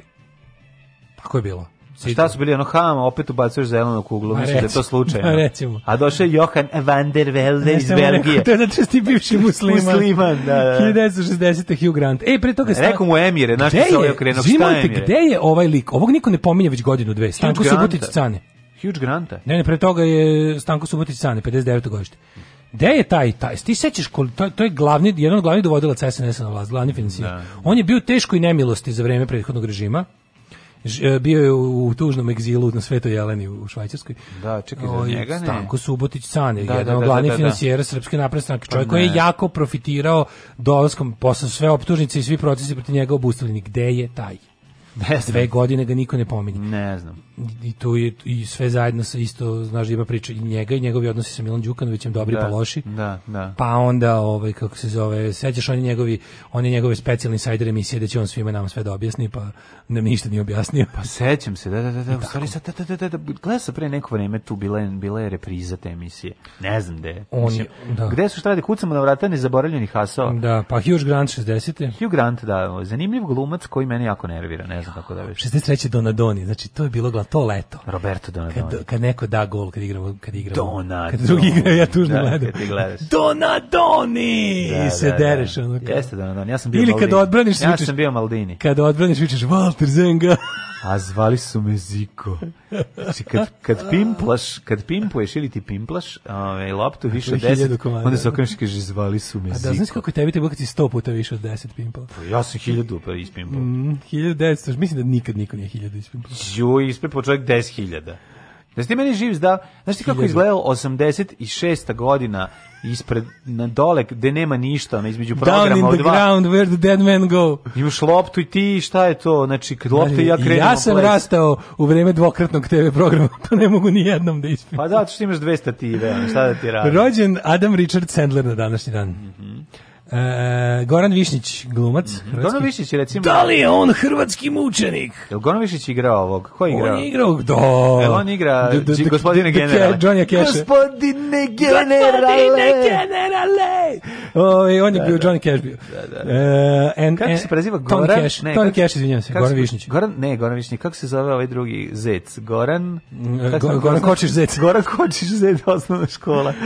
E, Michael Bublé, kako je da ga mrzimo. Ja Michael Bublé ne, ali recimo... Koji ga zgađio parnim valjkom? Onda ovaj, Luka Modrić. Mm -hmm. Luka Modrić je oh, dobar, jezik, dobar igrač. Lik, dobar igrač. 1987. Milan Stanković Gumeni. Mm -hmm. I za ova strana nisam čuo. Umrli je današnji dan. William prvi osvajač. No. Da. E, ili ti William Kopile, William the Bastard, mhm. normanski vojskovođa i engleski kralj. Kakav ono epizoda Crne guje kad pokušava da dođe na vlast da preotme presto. William the Bastard. Znaš kad ide ono kad skupi uh, ekipu najgorih Znaš da ide ono da mm, pa Sean the Irish Bastard. Pa ko, ko, ko nabraja onaj... Koja je ekipa? Da, oni nek, Neka, ono majko ubica. On ubio svoju majku, ne, ja da. sam ubio tvoju majku. Ah, hvala, znaš, oni, oni Oni o, strašno da, to. Da, na, kad nabraju te svoje titule. Da, ovaj. da nađe najgore ljude u kraljevstvu da preuzme. Ta epizoda je toliko duhovita. Znači, Sean the Irish Bastard. 1530. umro James IV. od Škotske. Da. Uh, Stefan Malarme, francuski pisac 1898. E, Vasa Pomorišac, slika. Čaka malo, André Toulouse de Lautrec umro mm -hmm. 1901. Pa onda Hans Speman, Špeman, pardon, Uh, e, Vasa Pomirišec. Mm, Pomirišec, da. Pa pomirišao. Ja. Uh, e, ovaj, pa zavole pomirišao. Pomirišao. On zna pomirišao. Ja bi malo pomirišao. ja bi malo ovaj, pomirišao u sliku. Ne, ti malo pomirišao. Uh, profesor Likovne akademije primjenih umotnosti u Beogradu. 1976. Ej, Lojze Dolinar, 70. Jugoslovenski i slovenački vajar. Maci Tung umro, 76. Mm -hmm. Predar Laković, preminuo, u drugom, u Šinobusu. Njegov brat u vozu, ovaj u Šinobusu. Koliko ljudi je pobio Znaš da pre, pre, Predrag Laković? Da, da, da, on je umro, u, u gradskom autobusu. On je u gradskom autobusu, kad mu ovaj tražio kartu, ovaj video da zaboravio da ovaj, uzme penzionersku i preminuo od sramote. 2003. umre Edward Teller. Uh, izumitelj američke hidrogenske bombe. Zašto je meni u glavi da je način na koji je preminuo Predrag Laković gori zapravo, nego ne, način od koga je da je to da je on zapravo preminuo kao što je preminuo u, u seriji u seriji u boljem životu. Da ga našli na to isto u salonu Đorđević. Znači, to mi u glavi ona. U da. salonu stilskog nameštaja bošnjački magistar Đorđević i uh, Olivera Marković vidjeli gospodina Kostu kako je riknuo u fotelji. U fotelji. A to da. je zapravo bio Predrag Laković, mi snimili pravo njegovu smrt to bi pre interneta da mogu da lažeš. Mogu bi da lažeš bez problema. Ju sam i žao što nisam. Upravnik vodovoda pije samo konjak. On bi najsrećniji bio kad bi svi drugi pili konjak. Tada bi sve bilo komunalno. Radio Daško i Mlađa. Prvi program.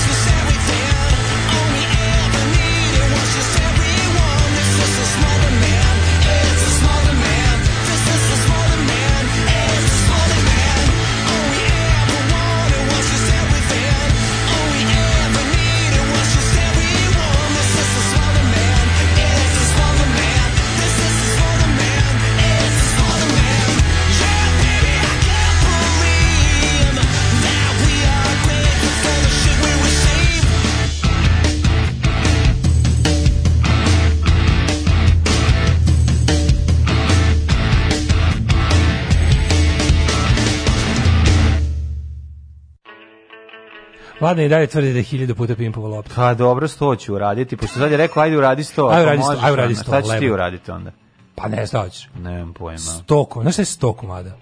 Tap, tap, tap. To tap, nije tap, tako tap, puno, tap. ti si antis, pa tebi to stvarno izgleda. Pa gledao sam ljudi koji nabiju sve to kako ne mogu, čoveče. Mislim, to, nije, to mi je bilo, kad, kad, ako Mikica Kisačani ne može, ne možeš ni ti. Ma daj, bre, ono sto komada ću ti ispimpati sad bez treninga. Sto komada? Da, sad. Idem da kupim loptu. Ajde, idi, idem da kupim nogu.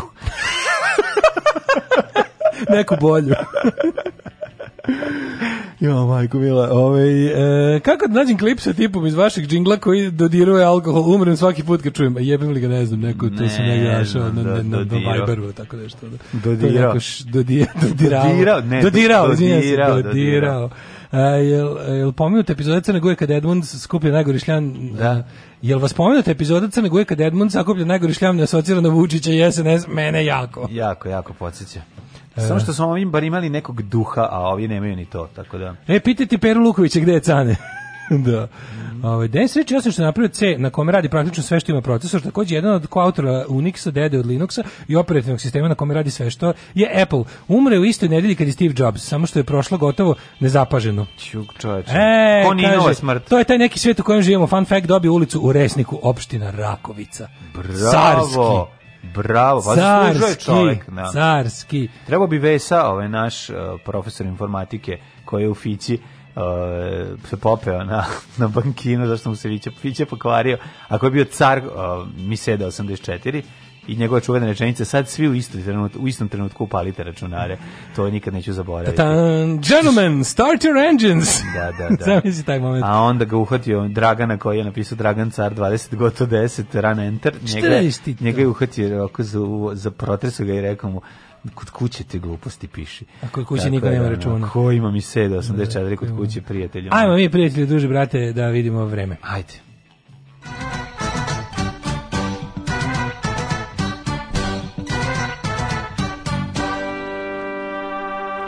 Jako mi je ovaj, ovo je engleski od nas, što stalno pričamo o vremenu. Tako mi se sviđa to.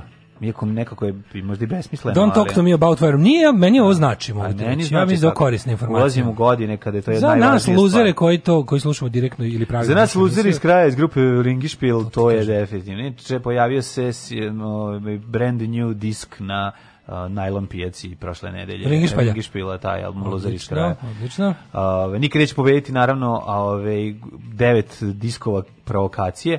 Ove, isto, istog, da, da, da, istog, ali to nikad neće pobediti grupu Regmen. 70 diskova, 70 kod diskova, Đubreta kupi uzeti. ove, pored džubreta u SKC, ali sad vlastitog benda, tako ja bih, da sam ja najgori. Ako ikad bude reizdanje tog albuma, ja mm -hmm. ću se postarati da na, na, na vinilnom reizdanju bude nalepnica na kojoj će, znaš kad bude ono a masterpiece, pa ispod kao svoj Q band, magazin. Kad svoj band kupiš 70 diskova svog benda, od lika koji ih je uzeo Đubret. Od lika koji ih je našao na Đubret. Kaže, ako ikad bude bilo reizdanje albuma, pretpostavljam se radi o Wrong Side of the Bottle. Tako je. Da ćemo, onda ću ja da stavim na svako izdanje nalepnicu. Znaš ono što ima kao, ne znam, Masterpiece Q magazine ili, ne znam, A Stunning uh, uh Document of the Time, NME. Mm Pronađeno pored kontejnera.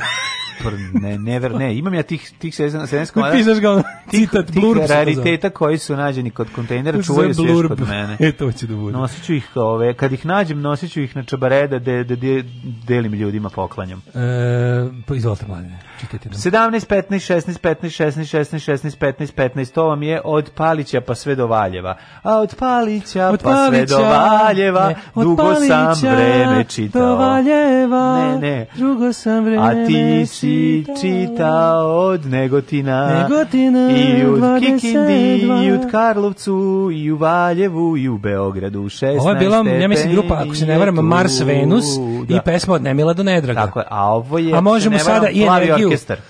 A možemo i grupa energija. To je 14 u Kragujevcu, majko, 13 stepeni u Palanci, majko, u velikom gradistu 14 stepeni, a u Crnom vrhu takođe 14 stepeni.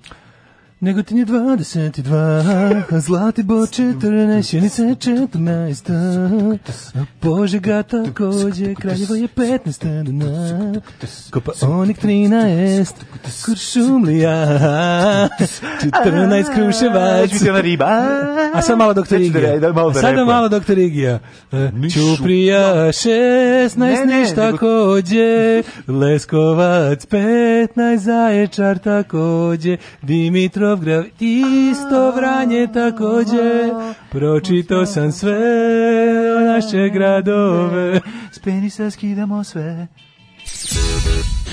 Ako gledajući ovu emisiju pašljivo pratite pokrete borilaca, otkrićete u čemu je tajna svih ovih veština i u čemu je tajna duha borilaca. Alarms svakog radnog jutra od 7 do 10. Do 10.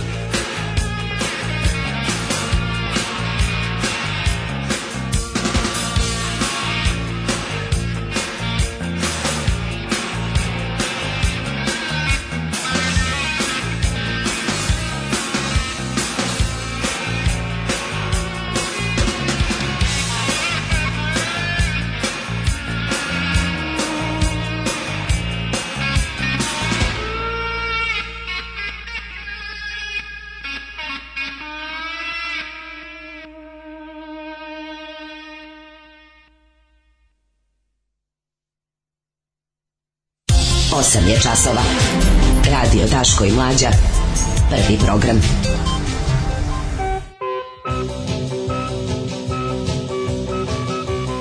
Mi na YouTube mi na YouTubeu gledamo 100 ovih pimpovanja, da imamo kako to iz... da podsjetim mlađu koliko je pa to ne, teško. Nije uopšte teško, samo da se ja setim kako to kreće. Meni je bilo važno da vidim kako kreće, jel sam da, zaboravio. Kako to počinje, to je Kako počinje, posle kad krene to ide, razumeš, što je kao Ma ti si ovaj rekao 1000. Ja ti kažem 1000 si rekao. Kad ja, sam bio klinac, ja tražim 100, nisi mogao 1000, mlađe. Nisam mogao zašto je bio gladnim, pa sam morao da prekidam da se prođe letnji raspust. Pa ne, prođe letnji raspust sa 100 i ide minut i po treba za 100. Šta je s tobom, bre, čovječe? Jo, majko mila, umreću, ja dočekam. Znači... Tebi to sve izgleda kao da je nemoguće. Da. 100 komada je care of kulen. Ne, ja znam ja znam da je to moguće. Ja znam čoveka kom, kom, koji kad bi rekao pa uradit Ja sam taj čovek, ne znaš. Taj čovjek. Pa ne da jesam, nego ono.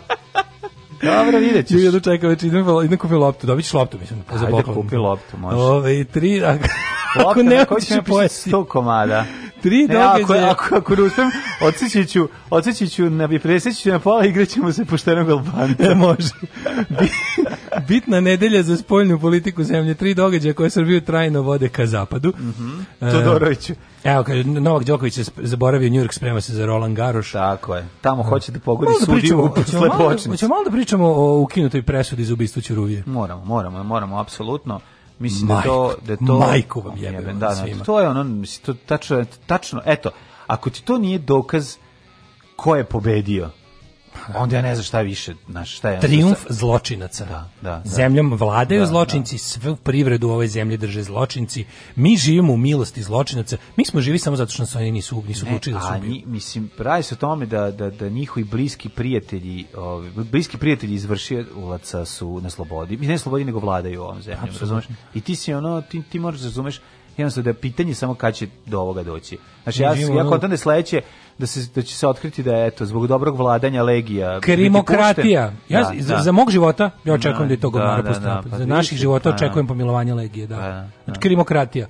Ostanite uz nas, mm. ovaj, da ga odgledamo još lik na snimku stigao do 60.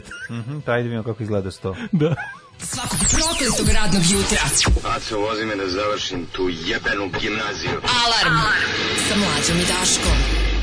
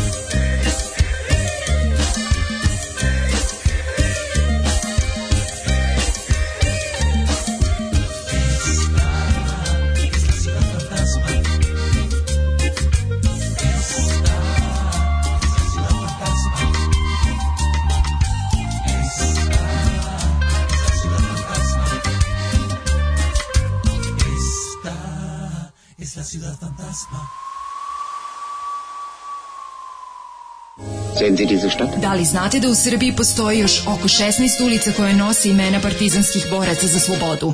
Zajedno možemo učiniti da sećanje na antifašističku borbu zaovek nestane. Nazovimo ulici po saradnicima, okupatora, popovima i gazdama. Revizionistička akcija Srbije.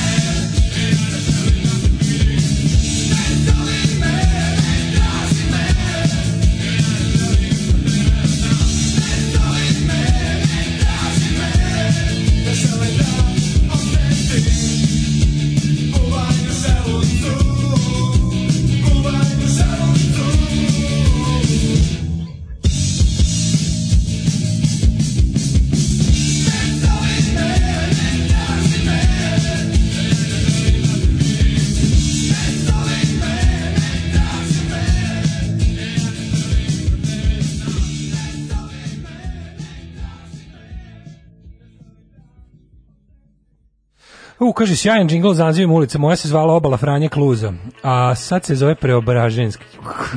kako ono, kako da, požvaljenje. Pa da, pa da. Kako požvalavanje ono. Dobre, ti stvarno ideš da skineš sve table i baciš u septičku jamu. Ono.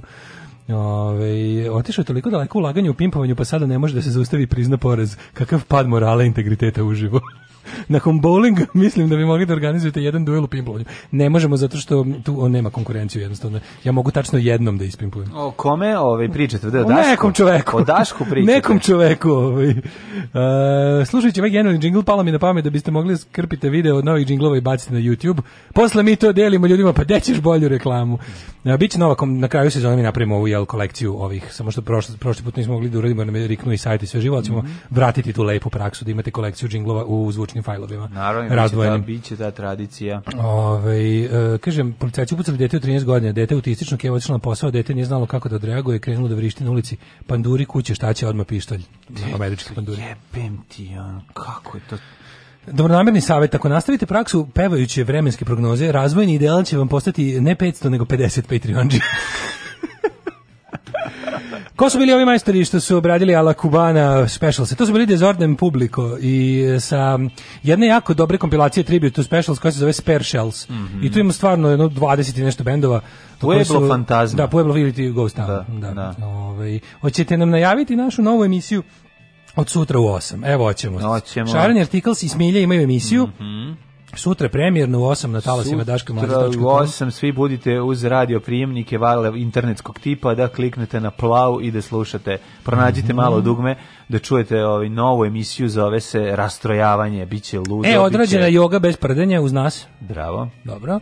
Ove, ovaj, e, ajmo idemo sad, idemo sad ovako. Ajmo prvo ovako pa e, dok i dalje dok, prošla ispod radara. Pa da, dok i dalje da. se bavimo Amerikama i Engleskama i Briselima i Trumpu i i Trumpom i Vučiću koji ne zna šta radi ili zna šta radi tačno, više nikom nije jasno, ali prošla ova vest koja je tako bila nekako pazi u mainstream medijima je ono to jest kad kažeš mainstream zapravo bilo. misliš ono, ono što je nacionalno ostalo da pojavila se, gleda sve na RTS-u, ona kao bila je, ali je bila naš 17 minuta. A bila se i nastavi dalje. Da. Ukinuta presuda za ubistvo Slavka Ćuruvije. Nema pravde za Slavka, kaže ne, Blic. Nema, pa nema. I posvećuje Boga mi duplericu, ovaj, dve strane o tome. Nema pravde za Slavka iz prostog razloga, ovaj, ono što smo pričali već hiljadu puta, a, kada država odluči da te ubije, nemaš gde da se sakriješ. Nemaš gde se sakriješ, a kada država odluči da te ubije, ne možeš dobiti ni pravdu. Nikada, jer pošto Naravno, te država ubila. A kada te država ubije, a pošto to je ista država, država koja ga je ubila, znači znači, jeste, ne, samo da, ne samo da je to ista država u imenu i, kako bih rekao, kontinuitete države, nego je ista država ideološka. Države imaju ideologiju.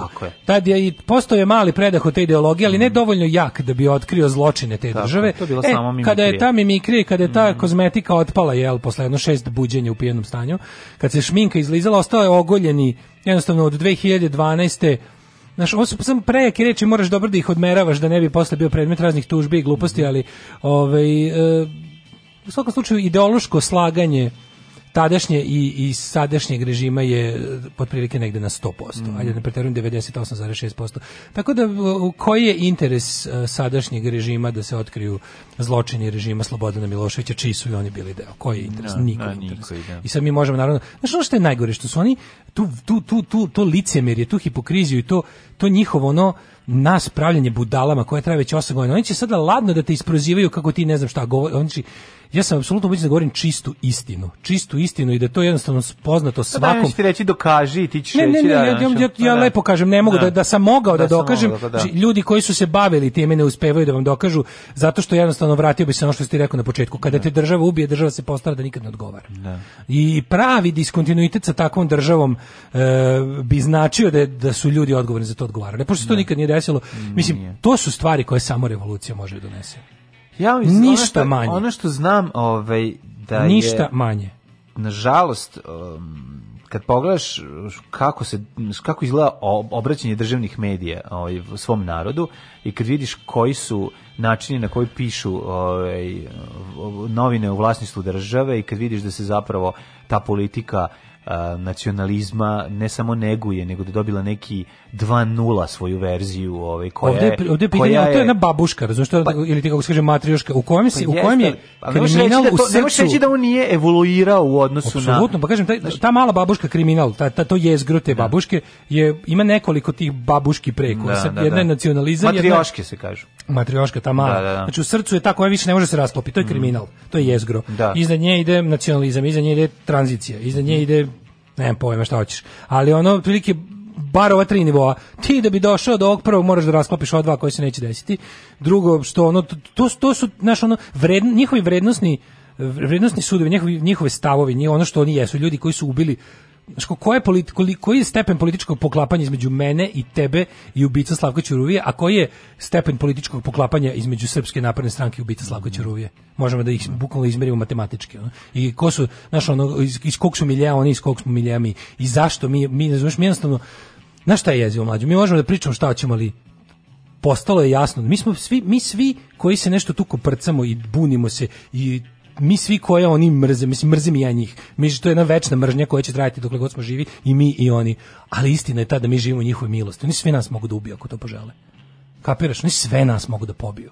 Mogu da i nikad neće odgovarati. Ko će ikad odgovarati ako rokne pa, nekog dobro, tako to to pa otkrivi? Mislim znaš ono dobro, čekaj, ko će njih da pozove na odgovornost? Mislim stani, znači oni ne, po, ne Mi živimo u njihovoj milosti, znam, ali ne po, polaze oni sa tim um, kako je rekao, to je poslednja opcija njihova. Mislim, Znaš, pa kažem, nisu nas roknuli, samo pa zato što im je cimanje. Pa nema, cimanje im je. Ma nije to tako, bre. Cimanje pa nije rok, pa ne rokaju se ljudi za ono, znaš, ono, to, kažem ti, u, u stepenu ugroženosti. Znaš ti kad se rok, pa ne roka se, pa pali se kuća kad je ono, kad je lokalni dripac. Pa zna se, pazi, to, to postoji recept. Ti, pa, na koji način, ja, recept. Znam, tačno postoje. Po kojem, po kojem o, u, imajući to u vidu, imajući to sve u vidu. Znači, kreće zastrašivanje, da. kreće, znaš, kada da. ti kada ti nisi znači ti Ne, ne, prvi stepen je, prvi stepen je provlačenje kroz blato. Ne, pa onda zastrašivanje. Ali da bi provlačio kroz blato, da bi te uvatio neko te provlači kroz blato, moraš da budeš realna opasnost ti skrajnut na internet nisi realna opasnost. Njih, njima čak nije realna ni opasnost ni onaj ultradesničar koji caruje na YouTube u svojoj emisiji. Njima nije jednostavno, kako kažem, realna opasnost je neko ja ko ne bi se o tome sa je, ovim ja kursom nema, pojavio. Pa zato ja ti nemam kažem, uopšte iluziju o veličini i svom uticaju. Pa zato ti kažem. Ali ti kažem da oni ukoliko pa, jeziva a, da, je ideja. Da ne, da ne bi prezali od toga, da, mislim, to je ono... To, I ne samo to. To smo videli hiljadu puta. Znači, mi živimo u milosti sto put gori. Znaš si kako je to osjećaj? Kad ti znaš da ti živiš u, živiš u milosti gluposti ljudi koji su ono po svemu gori od ali tebe. Ali ipak moram jedno sad da kažem. Znači, ipak ne, ne, je da neće tako lako nacio, poseći za tom. Nacionalizam je ipak e, stavljen malo sa po strane u odnosu na na Zato što je trenutno lož za kriminal. Da, za čistu pljačku. Kriminal je svetinja. Pa Da, znači pljačka je svetinja. Kleptokratija. Pa zato ti kažem najmanja babuška je najmanja babuška je u odnosu kriminal. na 90 kada je nacionalizam bio pogonsko gorivo za sve, za Ali veliku mlađe, i tad je babuška je uvek svetinja. Znači ta najmanja kriminal, zato je ona u ona je u trećoj čauri, razumeš? Da. Ima još dva dva kruga, oni će se odreći u jednom trenutku i i ne znam ono kao svih tih stvari odreći će se i nacionalizma svaki, povremeno. Ja smo odreći će se i nacionalizma, ali da čitali, da zaštitili ono, čitali izveštaj sa ono sa, sa suđenja, načine na kretanja agenata koji su bili gde, koji sa imenom i prezimenom agent je stojao gde u trenutku kada je ono, zamislim kako je to šta je, znači, njegov transkript njihovog. Zamislim kako je njegov da, da. ta, ta žena čeka pravdu I tamo kad stigne do nečeg, pazi, oni sad, to je situacija u kojoj oni sad uradi sve što treba, ovo kako treba. Ovo je klasično tu, to, to pravda više ne može biti. Ne može. Što pravda, pravda da. je zauvek ubijena da. mogućnost, da. pravda je otklonjena zauvek. Sad može da se ne znam šta uradi, to pravda neće biti. To će biti uvek jedna travestija i koja će može bude samo manje ili veća. A oni su se postarali da bude najveća. Znači to da oni jednostavno neće da pravde, kažem ti, pravdu mogućnost pravde su tehnički uklonili, bukvalno, ono zauvek je uklonili. Nikad taj čovjek neće dobiti pravdu niti njegova porodica, ali se zato još trude pritom da ti taj, taj, taj sadistički momenat taj njihov, to njihovo uživanje u moći i uživanje u nekažnjivosti, uživanje u tom, jednostavno, našo ono 84. Moć je više ovde sama sebi svrha. Ne, da. jednostavno, znači znaš, hoću da ti pokazujem četiri prsta i te teram da vičeš da pet. To hoću. I to oni stalno rade nama, zato što su to najveće govno od ljudi koji postoje. Pa ja ti mislim da je ipak iznad svega samo financijski interes. Jeste, koji, ali koji lepo dovodi se... do to trenutka da eto, u, kada je ali nema šta imena kod vi Radonjići, Romići, te, te, te, ono te, te zadrigle svinjetine o kojima slušamo već ne znam nija koliko. Znači cere nam se u lice te smrdljive nakaze, nikad im nam se neće skloniti sa očiju. to je kao što znaš da postoje neki jednostavni igrači koji su previše veliki da bi ono pali. I ti Apelacioni sud je ukinuo prvostepenu presudu, a u prvostepenu. E, I vratio predmet prvostepenom sudu na ponovo suđenje. A kao razlog je navedeno pa se mogu nisam ono da. zamislio da se neku najbuđaviju tehnikaliju. Prvostepeni sud je prekoračio optužbu uvođenjem NN lica kao neposrednog izvršioca i izmenio činjenično stanje opisano optužnici. Što ono, smeju nam se u lice, čoveče. Kažem ti, nažalost. Kao, naž... e, optužnica nije bila, zadnji red nije bio ispisan ono, fontom veličine koje, znaš, šta, to su mhm. takve stvari. Ono te smrdljive tehnikalije koje oni tako stalno izmišljaju to ono taj raskorak ono taj taj advokatski raskorak između prava i pravde me izluđuje Naravno. ta njihova ono taj njihov trijumf nad pravdom kao ono, ha, ha, ha, našao sam još jednu rupu da da ne bude Naravno. Da, da nikad da. u ovoj zemlji ne bude ništa kako treba našao sam još jedan način da vam se svima na smemu lice da znate da ono da da, da ljudska da ljudsko lice zaove gazi čizma Pa kažem ti, znači, na sledeće da čekamo ovaj, znači, da se oslobode ovaj, i ubice u slučaju Stambolić, pa sad čekamo da se ono, znaš, kao, ja sam se, siguran pošto se da na dnevnoj bazi oslobađaju ovaj, narkodileri ono, i vraćaju na suđenje. Na, na, to je državni posao, ja bih ga ono. Da, nažalost, to je, mislim, nažalost živimo u, znači, kad u čitaš, tojeri. Kad čitaš ono o čoveku, kad čitaš o čoveku koji njima, koji njima zasmeta, sa kojom lakoćom te ljudi ljudi od, odlaze u pritvore, upropaštavaju se zdravlje, životi, nestaju, e, bukvalno im se oduzme svaka mogućnost da normalno žive. Ove krupne, ono, govnarčine, ubice, secike se, znaš, ono ljudi bez ikakvog skrupula, ono, baš onako, loše napisani likovi iz tih naših balkanskih kao krimića. Pa dobro, nešto loši napisani likovi su 90-ih 90 došli, mislim, postali naša stvarnost. Mislim, ne, po, postoje ljudi koji odlučuju. Ti ljudi, slušaj ovo, od, od vremena, pazi, oni su dobili prvostepeno Romić i Radonjić su osuđeni na 20 i 30 godina i sve ovo vreme nisu bili ni dana u pritvoru. U kućnom, posede u kući. Sve ovo vreme. Oni nisu se iz zatvora žalili na ovo. Oni su se žalili od kuće na ovo. Ti kapiraš to, čoveče? Naša slobodna država bit će jedna velika, srećna kuća u kojoj će sva naša deca živeti sita, odevena, nasmejana i oslobođena straha i patnje. Alarm sa mlađom i Daškom.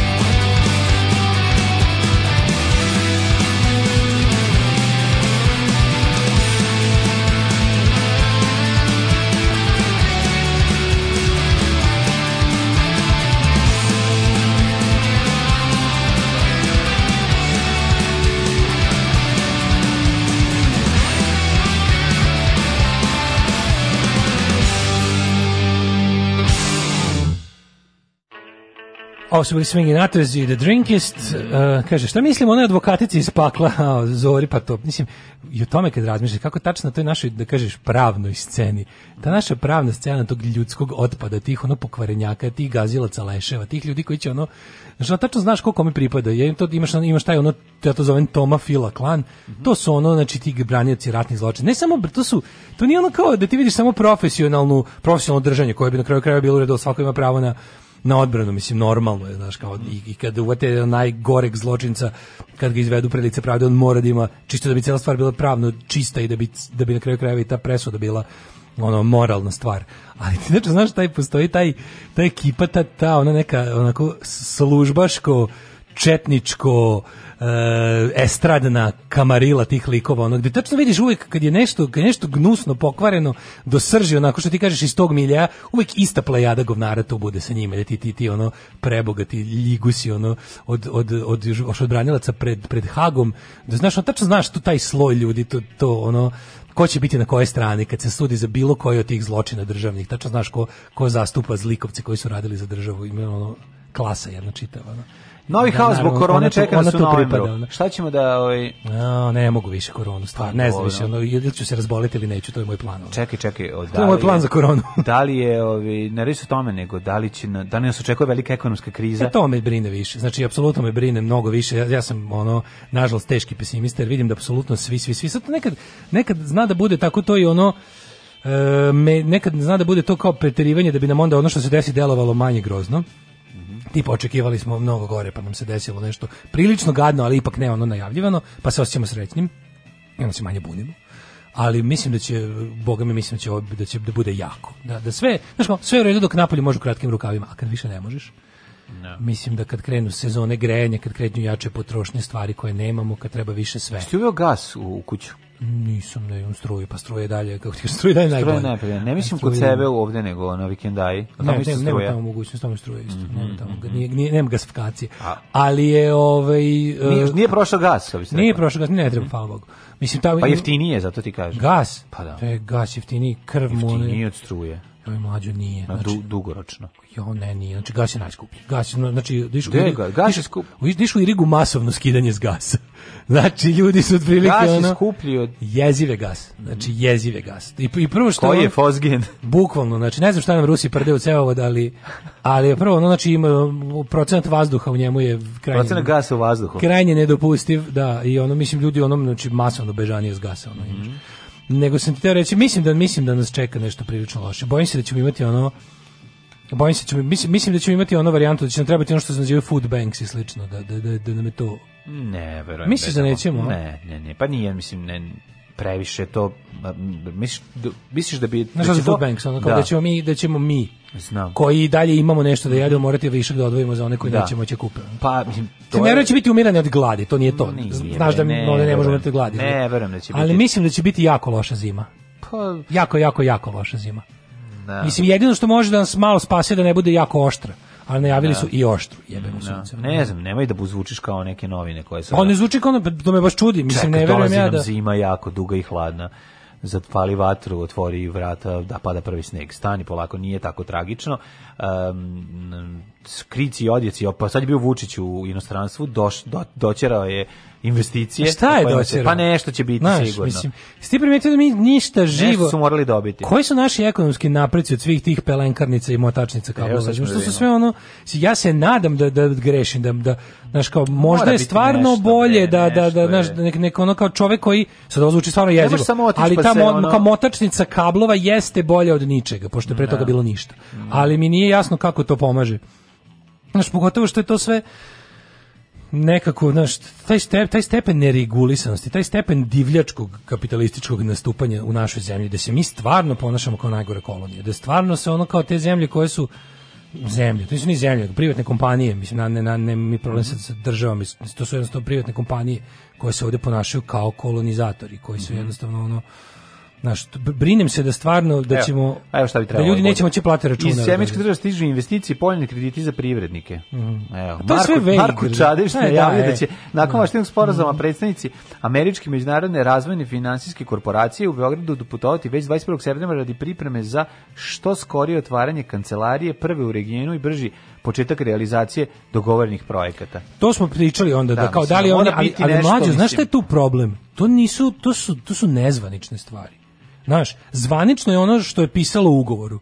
To, su, to je skup naših obaveza prema kretenu Trumpu i njegovom de, njegovoj debilnoj administraciji, koji može da bude, mislim, ok, mi smo potpisali ugovori važna država, velika ozbiljna država, ne, mislim, neće uh, e, sljedeća administracija poništiti sve što to jednostavno nije Tako ne rade ozbiljne države, čak i kad im se desi kloven da. za predsjednika, mm -hmm. ludak mhm. kloven. Mm -hmm. Ali ovo te sve ostale stvari meni deluju kao nekakvi neformalni dogovor između ono Trumpove poslovne prijateljske elite koja je u principu ono, mislim ako su poslovni kao i on, Bože pomozi. A zna, moraš da dobiš nešto za toliko blamiranje. Moraš, ali mislim, ti... Ka, naš, ono, moguće ne, da ne dobiš ništa. Pa dobiš i bakšiš, mislim, naš, ono, i Znam, posle... ali, iz, nije, nije, znaš kao, nije moraš jebati. Znači, znaš kao, znajući, znajući jednog i drugog aktera cijele stvari, znajući i ko daje i ko prima, sasvim možemo da iđemo potpuno završiti obrnuti. Mm. Ne, znaš, na kraju krajeva, mislim, kriza će da udari tamo, kriza je i tamo, ti znaš da sva kriza e, počne tamo. I to je da jedino, jedino što tamo počne, ali ne. kod nas dobije pun zamah. Pa dobro, kod nas dobije pun zamah. Mi, mi smo se pisali, mi smo se pitali, mi, mi smo dobi, na, nama stigne kriza ono šest meseci kasnije. Stigne nam ali je fora što smo mi ono kako da kažemo, ono kao Kije, ne, Kijevice ne udari isto lika koji je ono HIV pozitivan i koji da. puca od zdravlja. Da, mi smo si daš večiti, razumeš, i nama bilo šta god da najđe od bakcila mi ono dobijemo polu pluće. Jeste, ali smo iskrajnuti završiti. Tako pa da onda znači pa, dobit pa e, ćemo kasnije. To. Jeste to prenos naše zaostalosti da mi A, jednostavno nismo ni videli bolji život, pa ni ne znamo od čega se sve da. od čega ćemo se sve ono od poprostiti. Da, da. Ali ja bojim se, bojim se da ove godine zato što znaš, ovo je stvarno ovo sa ovom pandemijom, to je bila najglobalnija stvar u mom životu. Kako ne? I sećaš nečega globalnijeg? Pa u svačijem životu je bilo, nije bilo na u Za, zadnjih 100 godina. Pa kao i za dosta starih ljudi. Znači recimo da. ja stvarno mislim da od ajde kažemo drugog svetskog rata Pa nije bilo globalnih događaja. Pa nije. To je baš pogodilo svaki komad planete Zemlje. Da, da. I ostavilo je... Što uvijek pogađa, bre?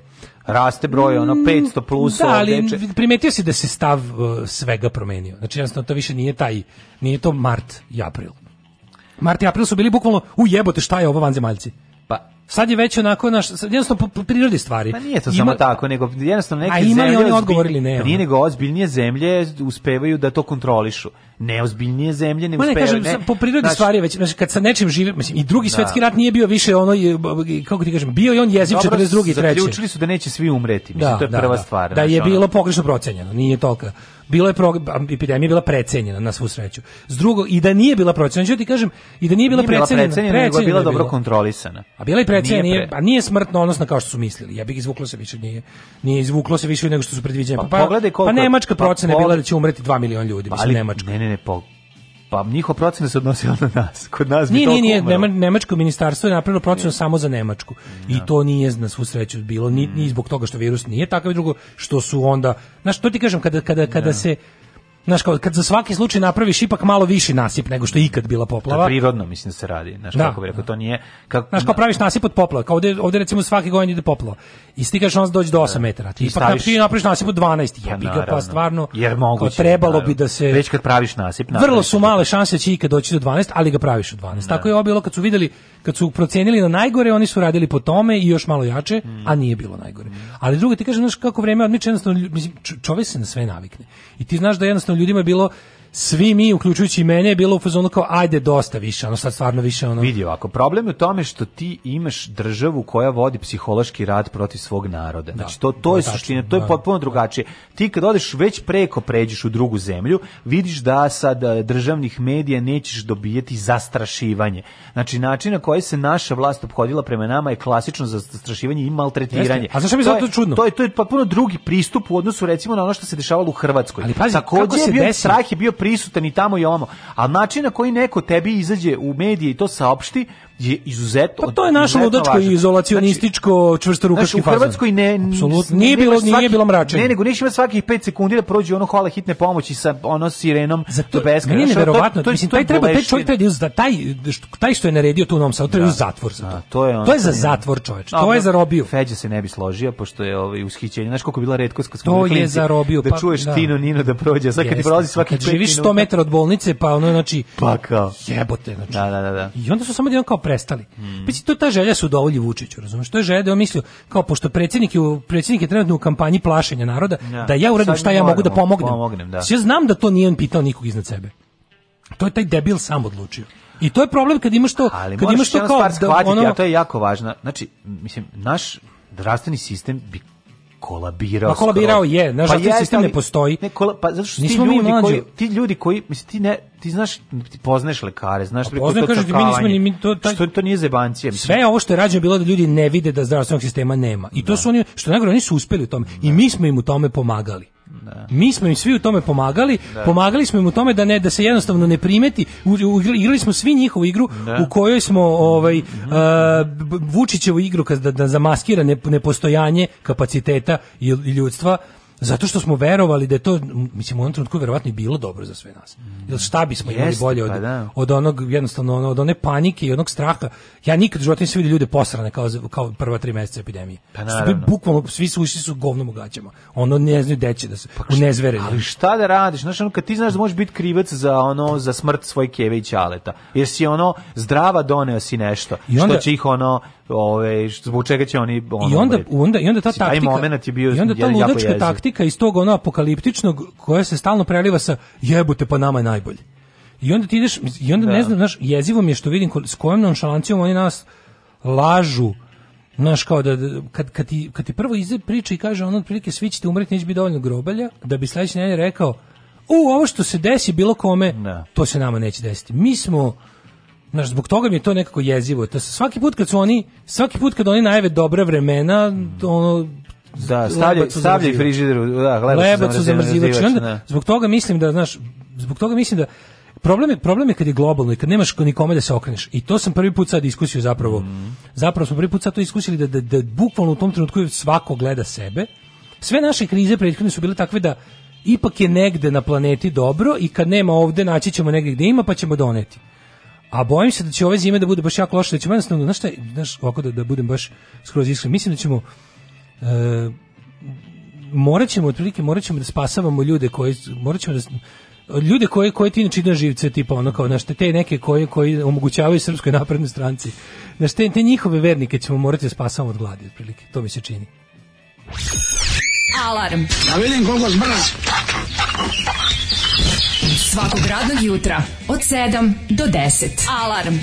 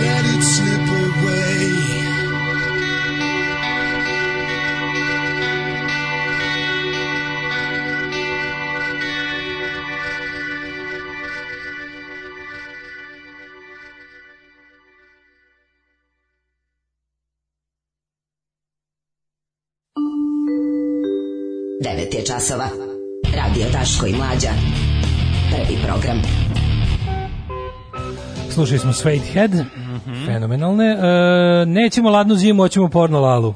A, da, porno lalu, možda neki drugi put, ako vidimo da li je živo, ja mislim da je umro čovjek. O, ovaj, nismo bili na sahrani, pa ne znam šta je da Nedavno je izašlo istraživanje koje je dokazalo da sve trgovinske i netrgovinske saradnje bogate države imaju više koristi od siromašnih nego obrnuto. Pa naravno. Ne. Da. Mislim, kao nedavno je dokazano da kapitalizam nepravidan da služi onima koji već su u boljem položaju. Wow!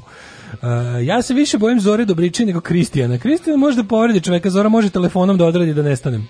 To ti kažem, cela ta mm. klasa tih, ono, znaš ti koliko u našoj državi taj sloj Mislim, ja ne dajem njima mitska svojstva, ja ne verujem da ta ona služba naš nekakva svemoguća. Ja ne verujem da je nas vidi u svakom trenutku da su ono svemirska policija, jahači magle, više su prodavci magle. Ali, no, ali, ali, to da, ali to da je to, nešto ugroženo, ali mislim, to da su oni pipke pustili svuda i da imaju gomilu tih, znaš, kao ti, Znaš, onaj izraz jebi ga, kad znaš, ono otprilike, gde, koje sve sektore našeg društva kada, kada, kada moraš da zađeš, kada te život natera u taj deo, koliko, s kojim gađenjem ideš, razumeš u to sve, s kojim gađenjem ideš u bilo šta pravno, u, s kojim gađenjem na, ideš prema advokatima, prema tužiocima, prema, znaš, kao zašto znaš da je to potpuno, da je to antiteza pravde, da je to suprotno od onog što je kao navodno piše na limenci da da da, da znaš kao kada kada te kada te život jezivo natera u svet jezivo sudova, ne. Da. prava, pravde, tužilaca, advokata. To je bukvalno kao da spremaš se kao da ulaziš u najgoru septičku jamu iz koje izlazi smrt i, i beda ono. Zato je najbolje I nepravda, biti ispod kriminal, njihovog. Mislim. Najbolje biti ispod a, da, njihovog rada. A, to je, I onda kao ta ideja znaš kao budi dobar s njim, znaš kao on je advokat. tu u u svakom čoveku, svakom građaninu pokoran to u glavi rezonuje sa kao ono znaš ti šta taj može ti uradi ako mu se zameriš. Tako, jednostavno odbijam da tako živim, ono. Odbijam ceo život, odbijam da tako živim. Tako I, je. Ono, I zato ću biti dobar sa svima. I zato ću biti dobar sa svima odjednom, sa obe strane. A, ove, ovaj, Daško. Kaže, da, da, hitna, policija. Bukvalno, znaš, ono, bilo, stačno znaš, ono kao kad ulaziš, koji je to, znaš, koji je to stepen, koji je to stepen pokvarenjaštva i zla i, i gadiluka kad ti bukvalno, ja ne znam, onako, pokušam zapravo da nabrojim sektore državnog i da kažem javnog, a da ti, da ti ne izazivaju gađenje. Mm. Da ti izazivaju gađenje i, i ti ono muka što imaš posla s njima. Koliko si u bilo kakvom opštinu s državom samo jedno koleno daleko od najgore kriminala. To je ono fuj. U narednom satu ćemo da vidimo kako je ovaj dokumentarac o Bin Ladenu otkriva da je Bin Laden tajne poruke skrivao u porno filmovima. Jes, kako volimo ovu temu. Ovo je biti jako dobro, a mislim da Daško treba i dočekati mlade uspešne matematičare Absolutno. koji su doneli i bronzane i srebrne medalje. Slušaj ovo, kad isteram januar gas, apropo cene mm-hmm. gasa, kad isteram januar sa 20.000 dinara pevam. Jo, majko, ubija čovječe, 34 dinara kubika, ubija čovječe. Ajo. Ništa, Teja Peć je majka. Teja Peć je za sad majka, da. mm. da. Ove, ovaj, pa kaže, mnogih, mnogo naših sugrađana prihvata ono viđenje države kao nekog ko ti pruža sigurnost, ali za uzvrat ti uzima dušu na pamuk. I taj koncept živi sve dok te isti građani ne ode negde, gde ti država, na primjer, po da paket za svim potrebštinama za dete. Super što smo mi zaboravljamo da smo mi izumeli državu kao svoj servis. Mi smo napravili, mi smo stvorili čudovište koje može da nas povredi i ubije kad hoće. Pa dobro. I mi smo joj to dozvolili zato što je kao to u tom jednom trenutku bilo bolje od bezakonja. Taj države Mislim, ovdje na Balkanu traje mnogo. Od kad postoji država. Od, da, A naša savremena država je mlađa, naša savremena država da. je mlađa od 200 godina i sve to vreme ona je, ona je predmet straha, zato što država, da. država je ono, ono što te povredi i ubije kad ne slušaš. Da. To je država. U Srbiji. Pa mislim, to je svaka država ali je a svaka država te povredi i ubije kad ne slušaš. Pa da, ali negde ljudski život vredi više. E pa to ti kažem. Ha, to Samo koja je razlika? Razlika je što te kod nas ono država povredi i ubije toliko očigledno, bezobrazno i lako, dok recimo mislim švedska država te povredi i ubije ako ne slušaš, ali tvoj put od, ono, te... od tvoj put od iskakanja iz državinih normi Tako do toga da završiš e, ležući na trotoaru je jako dugačak u, u da kažem demokratskim državama. Mm. Dok u ono banditskoj prći kao što je Srbija, ti je jednostavno ono kao si, ti si blizu ono toga ono u jednom danu, razumiješ, što jednostavno može može da ti se desi bilo šta, što kolateralno, što planirano. I zato taj jednostavno momenat da smo mi, ljudi su izmislili državu da spreče, znaš šta da spreče, da spreče zakon jačeg. Znači, zakon jačeg je bio neprirodan. Da bi jednostavno večito one koje fizički jači bio kao da terorista slabiji, uvedena je država kao neka vrsta kolektivne sile koja će sprečavati taj socijalni darvinizam. Međutim, kao kod nas otprilike strah od države je ono, ja mislim, najveći strah. Ono. Kleptokratija je socijalni darvinizam, mislim. Ono, ono, Apsolutno, da. Kod nas država služi da, da podupire socijalni a, darvinizam. A, a, dakle, alat toga. Alarm. Alarm. Alarm. Alarm. Alarm. Svakog radnog jutra od 7 do 10. Sa mlađim i Daškom. Alarm. I am a member of the council of the naval mutiny. I know traitor to my conscience, having done my sworn duty. These are my last words before the scaffold, and I charge you all to hear how a wretched British sailor became a citizen mutineer, pressed into service to carry powder. I was loyal to the crack of the whip. If I start on the streets of Bristol, I start worse on a British ship. Red is the color of the new republic. Blue is the color of the sea. White is the color of my innocence. Not surrender to your mercy. I was woken from my misery by the word to Thomas Paine. On my barren soil they fell like the sweetest drops of rain. Red is the color of the new republic. Blue is the color of the sea. White is the color of my innocence, not surrender to your.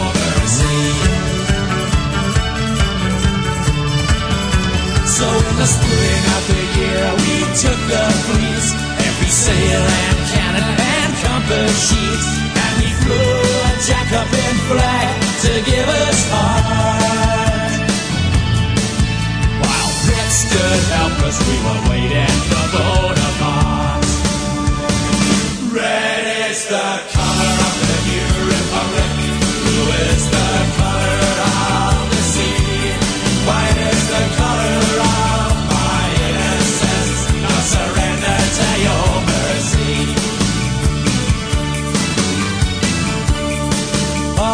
soldiers, all you sailors, all you laborers of the land, all you beggars, all you builders, you've come here to watch me hang. And to the masters, we are the rabble.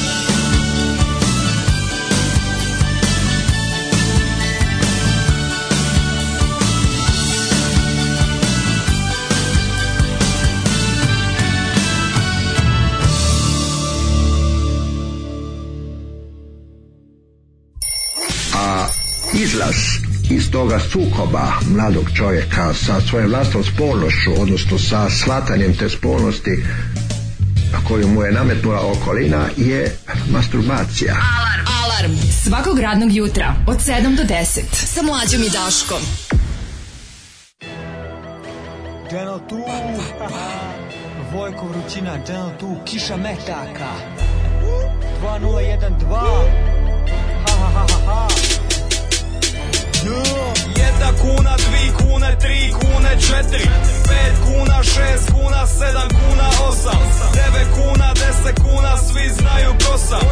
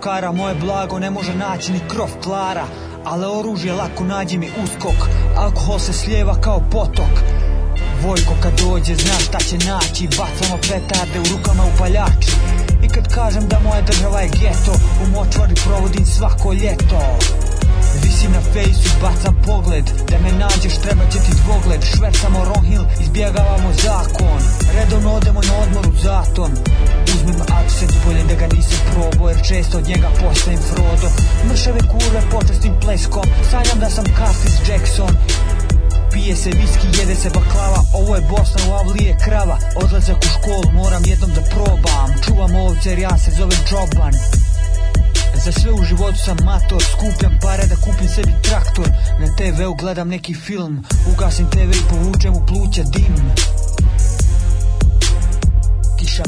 Majka je u gradu, kiša metaka da pada Pogledaj vremensku prognozu i osjeti da li će sutra da bude kiša metaka u gradu Možeš da pogineš, možeš da stradaš Ali nikad nećeš ovom scenom da vladaš Eto Čuli ste šta rekao General Tu? Eto što sam vruć. Kako? Kaže, je ovo General Tu, to je da, da, General da, Tu. Da, da. Gosto je u Kiši metaka na prvom albumu. Kakav je ono General Tu, znači kad istara... General Tu is General da. from the Bosna, što yes, bi se yes. reklo. Kaže, su pre toga bili ljudi koje nije moguće obesiti. Da. To su ljudi koje nije moguće obesiti. Gledam um, neki film, ugasim TV, povučem dim. Znači, to je, to je genijalno. Genijalno je na njegove Njegove rime su zaista onako trans, šta deca znaju o, o repovanju. Kaže ja sam advokat, želim da izađem s predlogom da se ljudi ne trebaju zvati advokati ako ne idu na sud i ako grade sopstvene zgrade. Posle toga su preduzimači, graditelji, neimari, mecene, ktitori i sve to porezano po principu što veći graditelji, to manje cene po tarifi. Mm -hmm. uh, grejanje polako postaje luksuz, razmišljao sam da ozidam u stanu za moju gajbu u Kladovu, zimu se stizalo grejanje za januar 12.000, 35 kvadrata. Setimo se koliko je bila topla zima. Napravili su lopovski sistem naplate po utrošku, ali što je najgore, sistem im je bušan kao švajcarski sir, pa sve gubitke na mreži koje imaju podele ne. pa naplaćuju građanima. Ne. I ne može im niko ništa. Napravili su pokeraški sistem gde kuća, to je sto plana, uvek dobija. Ljudi počeli kredite da dižu da bi platili dugove za grejanje. Jezivo. Da, da, mislim, to, kažem to, ja se to, bojim se da ovog... Uh, ove zime ćemo imati problem da ljudi neće moći da plaćaju račune, da će divljanje da bude sa izvršiteljima a svi znamo kakvi su to ljudi i šta i da su potpuno neumoljivi da imaju svu podršku ove vlasti. Da. da su izvršitelji jednako kasica prasica Srpske napredne stranke. E, mladene. Dale. Zašto niko ne dočekuje? Ne, ne, ne, ne, prvo tajne poruke. A tajne poruke, da. Tajne poruke kriju u porno filmovima. U samjenom skrovištu pronađeno je 470.000 porno fajlova. Pa dobro. Ulic, čekaj koji zauzimaju 250 GB prostora. Ala, vera. A, prije 250 GB prostora. Ja, nemoj ja kad čujem, Dokumentarac... znaš, znaš ti kako sam postao plašljiv? Znam. Čujem 250 GB, odmah zamišljam kako ti ide preko našeg servera. Ne ide, ne ide. I koliko nemoj, košta. Nemoj to da brineš. Osnivač Alka ide samo Bin Laden ili i, e, poznati porničar. Da. Možda je ovaj, Kida. porno filmove za slanje terorističke organizacije Al Kida. Svojim saradnicima navodi se u dokum, dokumentarnom filmu Nacionalne geografije Bill Alvin koji stoji iza najvećeg turističkog napada, svi znamo dve, ove 2001. E, godine, kaže ovako, ove, u njegovom skrovištu pronađe velika korekcija porno filmova i erotskih slika koje um, uh, koje je moderno snimljene za to vreme. Opa, ba, to znači moderno snimljeno za to pa, vreme? Pazi, on je znači bio on znači, se krio... on igrao u 250 GB pornića, mislim jer bi svako se potrošio znači, za to vreme. Znači, bilo moderno snimljeno. Nije on igrao u tim pornićima, voliš taj moment, ti. voliš, kaže moderno snimljeno, zamišljam samo što, koji je to period, to je, u, to je dobro, to je dobro doba za scenu. To znači on se krio, on se krio od 2001. do kad da. su ga roknuli 2000 neke. Da. 9. 8. Pa kad. Pa prekraćivao je dan. Drugi ono, mandat Obamin kažu kada su ga ubili da mu jedna ruka bila toliko žuljevita da je bilo strašno. Da. Znači da to jedna da, ruka na puški, druga na puški. Pucali su njega, on je branio ove ovaj, metke, odbijao. Hitijski motač imao. A ima hitijski motač tom desnom rukom.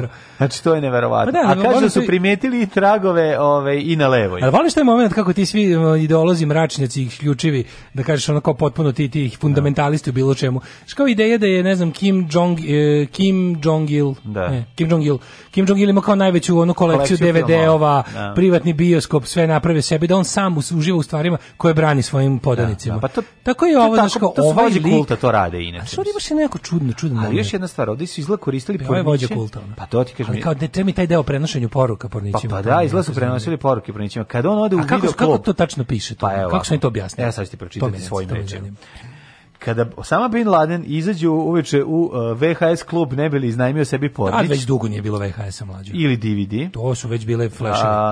ali ovo je vole stari način. Ne može da se uzbudi ako mu traha ne zavrti. Moguće, moguće, moguće, tradicionalisti je to. I iznajmi, e, recimo, duboko grlo. Dobro. To znači da treba udariti na, znači, u zavisnosti od toga koji on iznajmi film, od toga zna, a ekipa zna koju akciju Aha, treba kao, da koji, koji svojim ovim dobavljačima poruči, kao tipa nabavite mi to i to, tu stvari skrivena poruka za teroristički udar. Upravo bi skrivanje poruka u materijalu serijalu koje je prezirao bio najbolji način za slanje poruka, smatra. No, uh, prezirao je, 250, 250 gigabita preziranja. Prezirao se pornića, ti ne možeš da veriš. Šta radiš, preziram pornić. pornić. O, ali dobro, ovaj, čekaj, da mi ove dve plavušne preziram. Ne, ne, ne, jako ga prezirem. Mrzim ovo.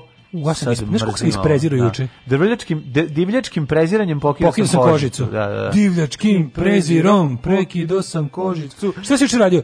Juče sam prezirao u pone X video, znači 4 sata sam prezirao.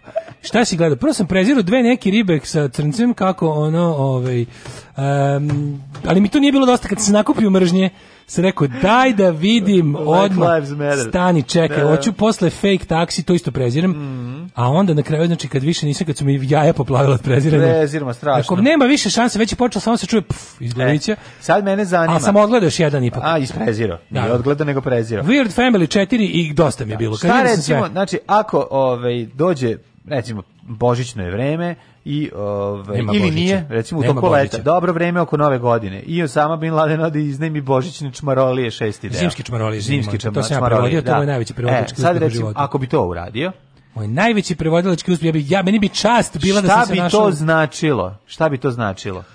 Pa sad ne znam koji su napravili koji je kako da kažem, koji je bio kriterijum za šifre. Da. da. li se da li se gledalo po produkciji, po da. žanru, po glumcima? Da li je, da li je možda ovaj ritam seksa diktirao ovaj pa Ne, na primjer, da li su SOS poruke. Da li recimo da li su napravili da li su moguće da je kao enigma da ima četiri stupnja pa to. kodiranja, znači četiri mm. zupčanika. veliki koji pokreće tri mala, a ta da. tri mala mogu nezavisno da se okreći. Onda to stvara milijarde kombinacija. Pa na primjer, on kaže i sad ima šifru, na primjer, ako uzmemo nemački pornić s lesbejkama, mm -hmm. e, to je, ne znam, udarite u, da. u, u, ne znam, u zemlje. I sa fekalisanjem po grudima. Ako uzmemo japansko to, kenjanje, to je udar da. na, ne znam, Britaniju. Da, Britaniju, da, da. Ako, Ako uzimamo nemačke, ove, Josefina Mucembahir i to zlatno dobro, noći. takozvana dlakavo međunožje. Da, da, da. Razgrni radimo, ima tu dobre poruke. Ako radimo razgrnite ima dobre poruke, to, to su vjerojatno najdublje ove. Pa verovatno. Ove, da. najtajnije operacije. Da. A ako uzmemo gej pornici koje na najviše preziremo. To je teški prezir. To je najveći prezir. To, je veliki znači- prezir. To, je udar na Ameriku. To je veliki To udar na Ameriku. To je udar na Ameriku. To je the great Satan. Jel moguće? A ako uzmemo da. Slobodan Stanković, znači Slobodan smo nabavili atomsku bombu. Imamo atomsku bombu, dići ćemo ceo svet u vazduh. Sve će ću pičku materiju.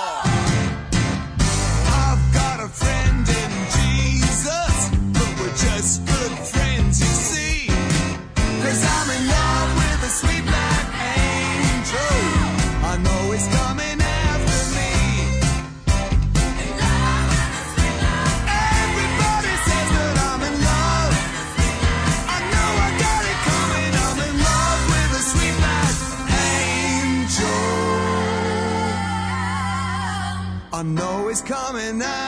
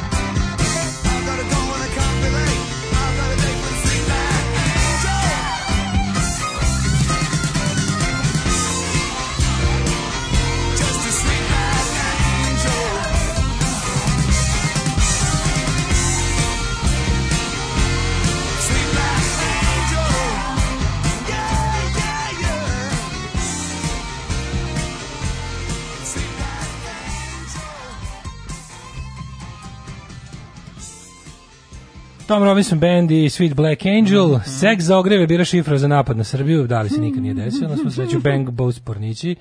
Tu nose tu duboku skrivenu poruku. Je. A veče se slađam. Hvala što održavate du seksi sredi. Učnički poglas veče se. Ko je najgori Pornić koji izgleda u životu? Pa veče se slađam. Meni isto. Da, da, da. Ali sećaš se da je to bio dupli disk?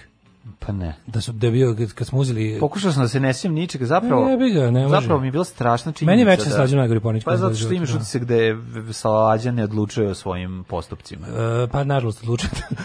pa ne, kad je vidiš. Da, ima malo elemena, elemenata krivičnog dela. Pa meni se čini, da. da. da. Ove, to bi najgore sećam se da smo kupili, to je bila neki CKM radili smo nešto tipa re, recenzije domaće domaće da. pornografske scene. A tad je smo otkrili. I onda smo otišli na Kiosk i kupili ne jo, još nego što ranije Dobro, ja sam ga Samo tad, tad, sam ja, tad sam ja video da postoje da su se striptiz i voyeur magazini razišli.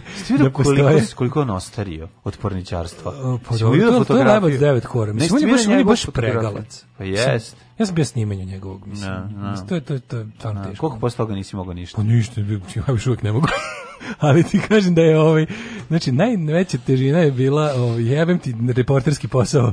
Što nisi lepo sam Pornić. Što nisi lepo sam Pornić jebem ti reporterski pa, posao. Pa to ti kažeš što nisi išao gledao mrtvu decu u Čečeni pre bi se oporavio. Ovo mislim ovo je stvarno bilo i onda sam ovaj ali to sećam se kad smo kao e kao, da, da, da. Uz, kao kupimo kupili smo striptiz sećam se časopis da. i kao uz ovo besplatan DVD a ono double feature disk A strana, da, mislim, da, da. nema A bez strane, ali dva filma su bila, ćete podsjetiti kako se zove drugi? Kako se zove? Karanje u roteci. Aj, aj, aj jebote. Nisam ja drugi pogled, ja pa sam pa ja jesam, veče, veče sa slađom, to je. Ti si pobegao, ti si rekao, da, a meni da. je radno vreme gotovo, beži. Ja sam, A, a moma, vlada ja, ja smo ostali. Ja nemam decu i moram da vidim šta, šta radi kod kuće. A mi smo, ovaj, kako se zove, a, da, da, da. ostali smo veče, znači, veče sa slađom i onda karanje u roteci, mislim, kaže da, posle toga bila tišina u redakciji 15 minuta. Da, da. Bila Ona radna akcija. Ulazim, ove, ovaj, sedi, ulazi spremačica, da. svi sedimo, gledamo u daljinu, ne, ne, ne, posle 4 sata ulazi spremačica. Kad na gajbu, ono, sirot, sirotev porodice koji treba ona srediti gajbu, ona je u akciji sa, kako se zove? Tamara u akciji. Tamara u akciji manje tužna nego, ovaj, nego ovo kad gledaš. Ovo znači, jezio. Kažem ti, mi smo pogledali to, bila je tišina posle, svi smo ostali tako kako smo sve, tako da, smo da. ostali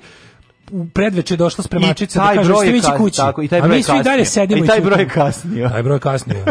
što smo svi ono bili na lečenju. Zato što je bio veliki problem, da. E pa to je Kažem, taj... neko je nekad pogleda ceo porno film, ljudi domaći pornice mora pogledati ceo. Ja sam sve doma, ja domaći. Ceo domaće, ovaj da isključio sam premotam deo sa akcijom da ne bi umro, ali da, volim, ja volim glumu domaću. A dobro, pa glumu volim ja u svim pornićima. I meni je jako drago. Ja, što... Da ja cenim glumu u pornićima. Pa dobro, ali ipak kod Slobodan Stanković je posebno cenim glumu, on, on je uvek on je veliki protivnik Gonza, ne znam, da se primetio. On je apsolutni, ovaj kako bih rekao, on je baš pobornik radnje. Naravno. Jako voli svoje talente da natera, makar u nekakvu konverzaciju. Pa tako. Znaš, ne mora da bude, ima taj razbija četvrti zid. Mm -hmm. Mislim, pošto njegovi glumci gledaju kao da pa da, njegovi... da razbiju četvrti zid za, njegovi... honorar. Ne, njegovi... Ili bar da štemuju. Ne, njegovi glumci dolaze da ne bi morali da štemuju za, ono, za honorar. No, ne znam, mislim, njegovi glumci... Ja mislim, kad gledaš porin Slobodan Stanković, imaš utisak da su ti ljudi kad su završili snimanje ostali da mu, ono, ne znam, urade kupatilo ili da mu kopaju baštu. Ja vam ti kažem jednu stvar. To mi je, to je, to je taj. Ne, nego on njima okopava da bi oni radili u Ne znam meni tako, meni on ipak, on je meni ipak kao neka nagovarač, on je nagovarač klasičan. Nagovarač. Ali da. on je drugu stvar da, da ti da. kažem, vezano Sweet za ono. On se Zamisli ljude ipak, koje on, on se ipak na Balkan sis malo, malo uzdiga u odnosu na one početke. Mlađo nije. Jeste ne, par po Slušaj, ja ja kao njegov ne znam Ne mislim po kvalitetu, nego samim tim što je produkcija Pa kvalitet snimka se poboljša. Pa da u tom sad, smislu. Sada, da me razumeš šta ću ti gledati? Znam, ali šta smo dobili? Sad smo dobili, ne, ne, žen, sad, sad smo dobili čireve na dupetu u HD-u. Da, da, da. Jer nam da, to trebalo. Jeste, nije trebalo. Jer nam to trebalo. sad, sad trebali, vidi, Sad se vidi da je ono fleka na zidu pokrivena novokovim posterom. Tako je, sad, sad se vidi da je ispod fleka. Jesu nam trebale urasle dlake u HD-u, jer nam to trebalo. Bravo si. E pa jebi ga. Ali to ti da, kažem, da, on, je, da. on ima, on ima uh,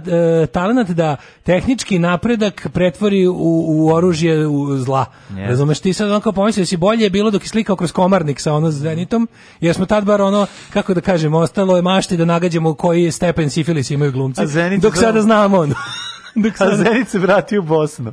Da snima na dralice i sad radi nešto drugo. Tako da, kažem ti, Full HD nije doneo dobro naše porne industriji. Pravo si, pra, ne, nek Full HD je, kako bih rekao, to je čoban u raketi, on se to tim novim, znaš, nije dobro. Znaš, mislim, da. mislim jednostavno, kada znaš kad ne ne valja ne valja ne ne valja kada ne, govno pogodi ventilator nastaje totalni haos to, e, to, je, to, je, e. to se desilo e, no izađemo iz domaće pornografije i odlazimo u domaćim doma, u domaće stručnjaštvo znači ostajemo u Daško na mladima svet ostaje mhm mm a ti znaš da niko ne pati Oma, više u Srbiji. Omiljena tema. Niko ne pati više od, u Srbiji od Srba u Crnoj Gori više pače. Najteže na svetu biti Srbin Crnoj Gori, to je gore od NDH, to znamo. mesta praznih, pa onda, pa da. onda, e, budeš, onda, onda budeš mladi, matematičar. Tako je. Ali ja kao stari pratilac mlado matematičarske scene, ja imam, ja pravim, ovaj, hoću i sam da budem Mm -hmm. matematičar amater. Kako ne? Jedan onda, tako, jedino tako mi možeš da I budiš. onda sam počeo da pravim grafikon pominjanja mladih matematičara u medijima. I šta da. sam zaključio? Da. Nakon 12 godina, da. to je jedna amplituda, prilično pravilna. Da.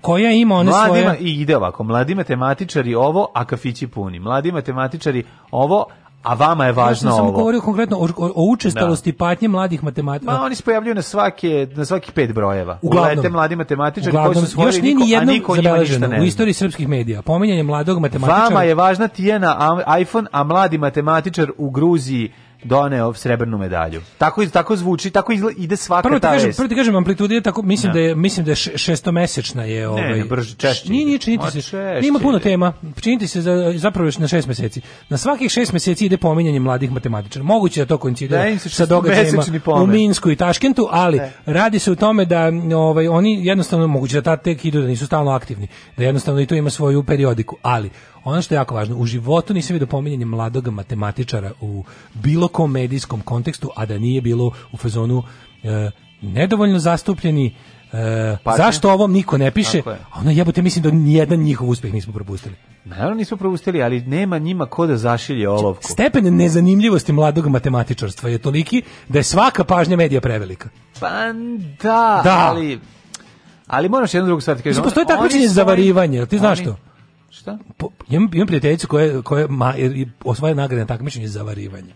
Gde var? Za jeba. Gde za varivanje? Bila je sad na Ohridu. Gde Dobila je prvu nagradu. Kako je prošvrcovala? Kako je prošvrcovala aparat za zavarivanje? Balkanska zavarijada u Ohridu. Bila je prva. Iza moje zgrade svako Niko o tome nije izvestio.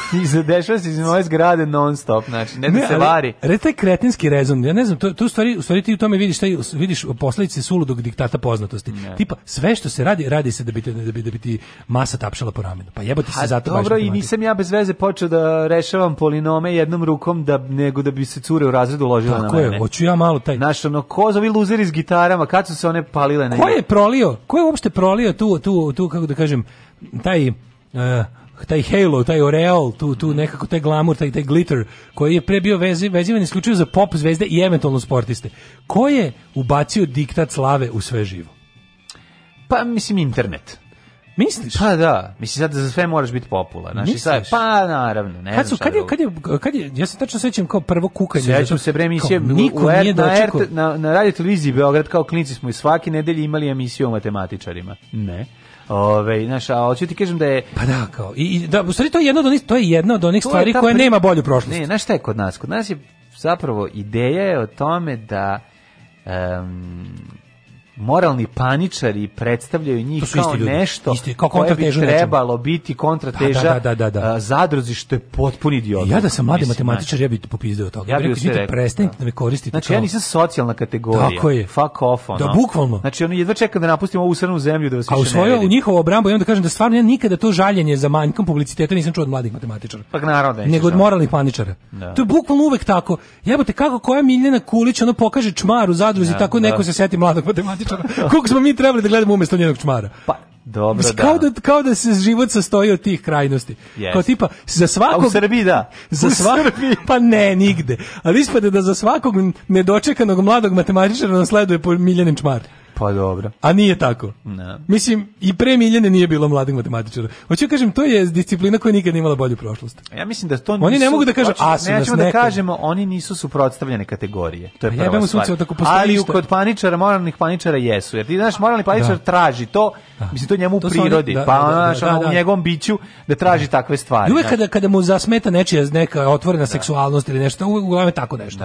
Mislim, u Ti si uzo paprik, ti si uzo premaze koje se plaćaju, a deca u dečijem selu Koreno, jedu ne, Nije to to. Mora, pa, mora seksualna komponenta da bude. Da. Mora bude neka golotinja, nešto što oni da. percipiraju kao razvrat. Dobro, raz, raz, mislim da ti nabija osjećaj neki, znaš, s druge strane, ja stvarno ne mislim da, da mladi matematičar jedan ima problem sa tim i kao, znaš kao, sta, dobre, nije bio loš fazon kad su kačili kao najbolji učenike na billboarde kao jedan faz. To je bio kao marketinški trik. Mislim da su ih odaljali od seksa još bar godinu dana. Pa, pa su oni želeli u tom trenutku. Pa znam, ja znam da bi oni volili da neko zašili olovke, ali... Pa ove, ali jedan od tih momaka ili Ajde, pogledamo sliku sam da, da vidimo. Ove, mladi matematičar. mladi matematičari. Oh. Pa ne, ali kažem ti... To... Neka neko skloni pauku u mrežu. Pa sad ovde, Nije to su brkovi. A sad da razkrnite ovu zastavu. Pa dobro, okej, okay, mislim, sad...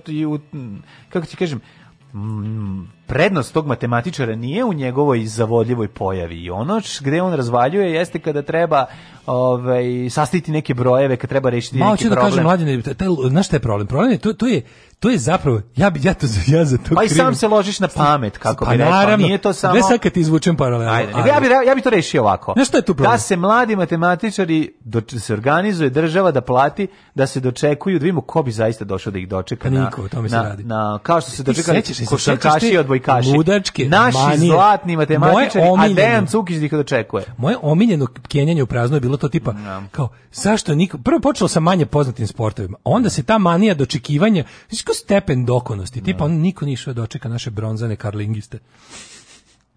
A naša srebrna ono da. Popin J reprezentacija da. ne dočeka na šta je čeka sa našim čeka kofere polom na slonovima. Da, kao. Šta je gde i niko ih nije dočekao zato što slonovi ne mogu da se popnu Twitter, na balkon. Onda ono znaš, onda kad kad, kad postoji Twitter onda da. ono neki zabrinuti ono da, da. ume tvitne kao e, hoću samo da kažem, ali ne, znaš, je pasivna agresija. Da, da, da, da. I dok svi gledate u dupe e, ne znam, Miljan ono, ne, Kučmar, Miljan Kučmar, Kučmar, Miljan Kulić, Kulić da kažem da je, tako se zvati današnje epizode. Da, Rodoljub Petronijević iz da. Ostružnice donosi da, da. četvrtu medalju iz, ne znam, Trčao podvodnog... Trčao 40 km sa zašiljenim olovkom u ruci, u to, ove, ovaj, i dva put pao, i probao oba oka, i pobedio, da. Onda je krenula pasivna agresija. nisu tako. Krenula je, pa to, ja, ja znam da to, da, da. ja znam da to ti ljudi ne žele Pa znači, da. za početak, ono kao, ideja... Oni samo žele te, veći izazove. Ja imam, imam teoriju. Znači, Oni žele teži izazove i zadatke. Savremeni sport, taj, da, da kažem, dekubertenizam koji je dege, degenerisao svoju suprotnost. Mm -hmm. To kao, ovaj, e, kada je jednostavno bavljanje bilo čime... Dekubitus? Um, ne, nego kao Pierre de Coubertin, kao važno je učestvovati pravilo. E, kada se to pervertiralo u ono, važno je pobediti i pa natrljavati na nos, onda je onda odjednom krenulo sve naopako. Onda kad, da. je, kad je jednostavno, znaš ono, ideja da, da, ideja da sportista predstavlja naciju. Marš mene ne predstavlja. Znači, drago mi zbog njega i treba da mu je uspeh to što je. Znači, onako, e, to bi valjda trebalo, sport bi trebao da bude nekakvo ono, kako da kažem, e, nadmetanje prvo protiv sebe samog, e, pobeđivanje samog sebe, podmeravanje Ne, to se šizofrenije ne ta vrsta, nego kao kad ideš te kao valja, valja bi to trebalo. I onda kad je krenulo u fazonu tipa oni to rade da bi izazivali poštovanje i divljenje nas ostalih, sve otišlo kurac. A da. popelo se do nivoa nacionalnog obožavanja i onda kreće da. taj ludački, pogotovo kada država, mitomanska država kao što je naša, vačito željna u da. odsustvu prave veličine života kroz uh, kako da kažem, slavne i sposobne pojedince. E onda kreću nacionalne penzije, ono obezbedimo ne znam šta, no što se tako te neke priče, ne. tipa da. ono kao nema, ok, ja razumijem da država treba da podrži infrastrukturu za individualno bavljenje rekreativnim sportom građana, to, to mi je jasno, ne. za to treba izvojiti sredstva. Ali kad krenu te priče, a onda ti je zapravo cela ta priča stiže do apsurda, do ono kao obožavanje uspeha gde mi kao nekako pleme koje živi u podnožju planine treba da odemo na ukazanje ovima koji su na bilo koji način posebni. Da. I onda ideja I da neka to budu i matematičari onda. Pa ne, ali onda da su jadni matematičari stigli kao ono u poslednjem u poslednjoj turi. Znaš, iz tom to pervertirano pervertirani ja stav da se ljudi nečim bave da bi bili poznati. Moram reći zašto je propalo. Ta to to tak kategorija ove, i tradicija sačekivanja najuspešnijih je nestala od kada je nestala SRJ i jer ne može više da se peva pesma igre rock and roll cela Jugoslavija. Da. Pa ja su posledno pa da probali se igra rock and roll cela naša Srbija.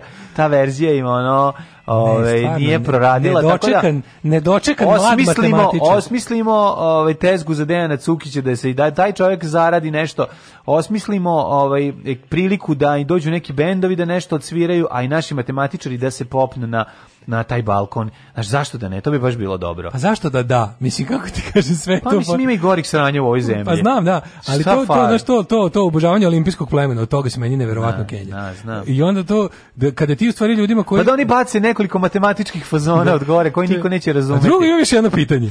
Zašto oni nikad ne idu neki neki do da ono zemlje u koju neko želi da ide? Zašto te ma te ta takmičenja uvek po nekim budžacima? Što je što je u Biškiku, Taškentu? Nisu. Ono, kad su bili u Tokiju na olimpijadi? Pa bili su. Bili su, ja sam pa propustio. Kako da ne, ali se nisu vratili. su ostali. To. ostali. Da, ovdje su idu da znači se vratiti. Kad ideš na matematičku olimpijadu u Minsku imaš želju da dođeš kući, mislim to je to je stvarno tako.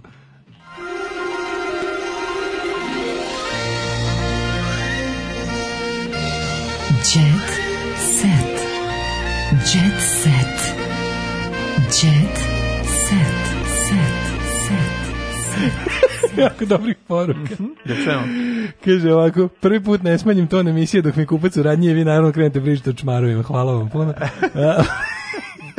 to kod Mladi matematičari ne mogu nešto preterano ni da se žale jer su im nosevi uvek zabodeni u Venovu zbirku kad odmaraju idu na šahovski turnir u Gdansku. Kaže, liko išao na olimpijadu iz matematike i fizike kod nas u gimnaziji bio najbolji frajer, samo da napomenem. Opa! Ja sam od uvek dodam emisiju, ja imam talent, lepo sednem, izvodim olovku, rešavam zadatke. 90% ljudi ovdje od prvog razreda mrzi matematiku i bolje tim matematičarima što ih ne čekaju, možda bi ih i pretukli na to. Pa da. Šta daj užinu? Dođe peće da im draže užinu. Kaže, Daško, antisportista, slažem se da je obožavanje otišlo predaleko, ali to je samo u jadnim zemljama koje nemaju nikakve drugi uspehe poput naše, pa onda daj sportiste, pa to je to. Znači, tužno je kada, tužno, mislim, imaš tog obožavanja, jel, olimpijskog plemena svuda, ali kod nas ima, ima stvarno tužne razmere. Kaže se olimpijskog plamena, prestani. Kod nas stvarno ima tužne razmere, da mi od, od tih ljudi očekujemo da nam budu, znaš, on kao taj jadni Đoković koji ima teret da, da nam ona popravi sve što nam u našim životima ne valje. I onda kad ne uspe, onda smo prvo besnije njega, pa ga volimo, pa ga branimo, pa ga pljujemo, pa ga Stvarno čovjek nosi na sebi baš neverovatan teret. Mm -hmm. Ne može rasterećeno da igra tenis. Ovaj uh, jet set. E, Milova pevačica. Jami. Jadranka Đukanović je zaradila stan od 150.000 evra. Ne, Milova pevačica samo jami. Jami, pa to je ono što ja znam. Ne priznam. Šibica moja, sad će da te kresne. Ovaj, nekadašnja članica Granda koja je karijeru počela u Beogradu sad peva protiv Srbije.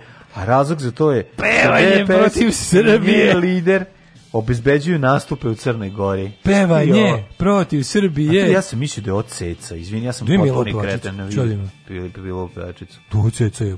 Ja ne znam šta je ovde. da kako to neki Kako ste sve iste, čoveče, kako je divno. Ona. A ja, aha, Javnost šokirana gestom Jadranke Bajraktarović kojom je pre nekoliko dana u centru Podgorice zajedno sa masom pristalica Milanova pevala pisme Ne može nam niko ništa, jači smo od Srbije. to je pesma koju mogu da pevati sve zemlje na svetu. Pa sada. To je na neki način pesma koja ujedinjuje planetu. Koja zemlja to ne može da otpeva lebati? A ne, može ono, Lichtenstein, ono.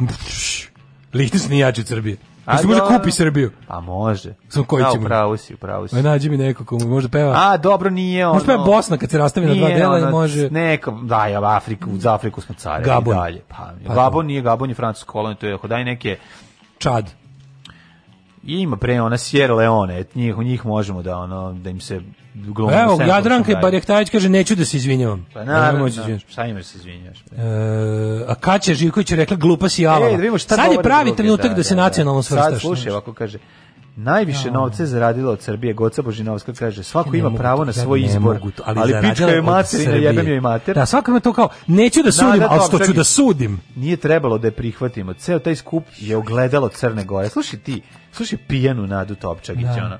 I ovaj isto je pička je materina, misli se na, na Jadranku. Ovu Jadranku, da. Mm. I e, ljudskoj bedi zabraniti ulazak u našu ženju, kaže Goran Čomor koji izgleda kao Čabaravdić na ovoj slici. Ja ne znam koji je Goran Čomor. Pa mislim. Ali ono ima prezime Kjeti, koje, koje ima prezime koje ovaj, bi moglo da bude neko kožno obolenje. Da, da, da. Znaš, imam da čomor, znači imam čomor, da, da. Ove, ovaj, uh, plakala sam što mama nije bila na veredbi, kaže Ljuna, Ljuna, Luna Đugani. Mm -hmm. Kaže, u ovoj si državi popularna postala. Tako je. Kao, jo, kaže, kad će rekla, glupa si i alava. Mm -hmm. Jel, kako, znaš, to, to je taj stav, kao moraš, kao, naš, ili si nacionalno nabavljaš. A pa naravno, kako drugačije. Pusti, ono... Nikolina Kovač postala crnka. Mhm. Ove, ovaj, Crnkinja. Tako je, išla je. Đorđe David, to je zato Đorđe David uvek. Lomio sam čašu iz cecine pesme. Znači kako, ne vidi, ja, pazi, kakav ne veliki profesionalac. Šta, zato što radi radio u kafiću gde su puštali kao konobar. Gde su mu ispravili. Kao konobar. Ove, ovaj, Iako je poznat kao rocker. ju, ju, ju. Počinje, da li, počinje tekstom. Ja i dalje, ipak mislim da ne postoji jadni čovjek. Ne, Đorđe je najjadniji čovjek. Nema, nema. Absolutno. Znači, ja mislim da ne postoji. Ne, Absolutno. ja, si naj, bilo koga nice, ko može lik. ko što toliko jadan da bude ono kažem ti Đorđe David kako sam ga video pa kad smo ispale stvari to je bilo bukvalno ne znam, to je bilo kao da, kao da sam platio, stvarno sam se osjećao malo čak i loše ovaj kada kada mu dobročina pukla kesa. I samo se to mu se otkotrlja sir? To je ono otprilike nagib ulice 40%, otkotrlja mu se konzerve i, i paradajz. E, iako je redko to radio, on priznaje da uz pesme drugog žanra lomi čaše. Bio sam prisutan kad sve oko mene praštalo Bekuta, Snežana, čak i Marija Šerifović. Ja sam prvi put čašu polomio uz pesmu Tome Zdravkovića. Ispala ono. Jesi nekad lomio čašu? od kristala. Šta, šta se, kako to? Mi, da, naravno da nisam lomio Mađo, smo mi uskraćeni za nešto što nismo lomili čaše. Pa nije, nego ne mogu Mislim, ja... ja lomim stvari kad sam besan, nekad sam srećan. Pa dobro, ti si vjerojatno... Koju pesmu slušao dok si lomio kosilicu? Slušao sam pesmu... E.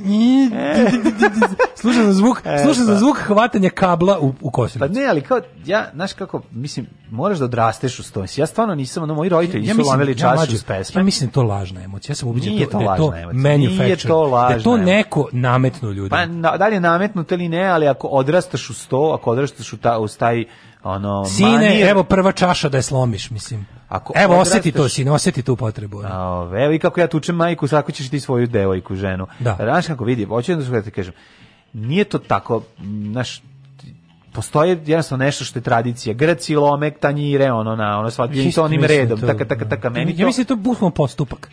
Da to nije Nije, pa jednostavno to nije proizvod ljudskih naučeno je, proizvod ljudskih emocija, njega pogodi pesma, ko što tebe mm. pogodi, pa ona ne znam šta, pa šta? tako on, pa šta, pa skačeš da u prvom redu. Pa je pevo, pa da. Pa skačeš pa se otimaš za mikrofon. Tako i on to isto.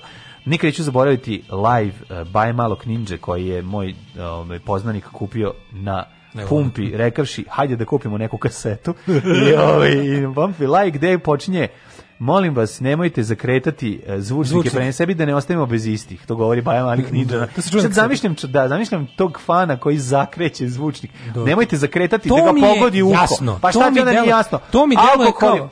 A to mi, ne znam, meni to nekako... Jesi gledao kamionđije? Kad se napi pa pravi haos, pa lepa. Pa jednostavno da. pogodi ga pesma. Ko što sti ložiš na ovu od uh, Swinging Otters Drinkies, tako se i ovaj loži na ono, mm, pamtim ove ovaj još, one livade, one reke, onog boru iz apoteke. I onda kao, daj pa- nešto da razbijem. I ne, onda je to njegova pesma i to ga pogodi i ono, a pošto mu je pošto je, znaš šta, ja razumijem šta hoćeš. Hoćeš ja sam prisustvovao da ja tebe nervira. Ti misliš da je Ja Ne misliš da to da- protokol koji neko izmislio. preživljavanje pesme izmišljeno da, i on da, nije da, prošao to. Kao kada vidiš, znaš šta, ne, znaš, mora to. Ja na primjer, mora da bude. Vidi, bio sam prisustvovao sam lomljenju čaše i to mi je sve delovalo toliko veštački. Znači uvek više puta sam bio u kafani kad je neko nešto slomio.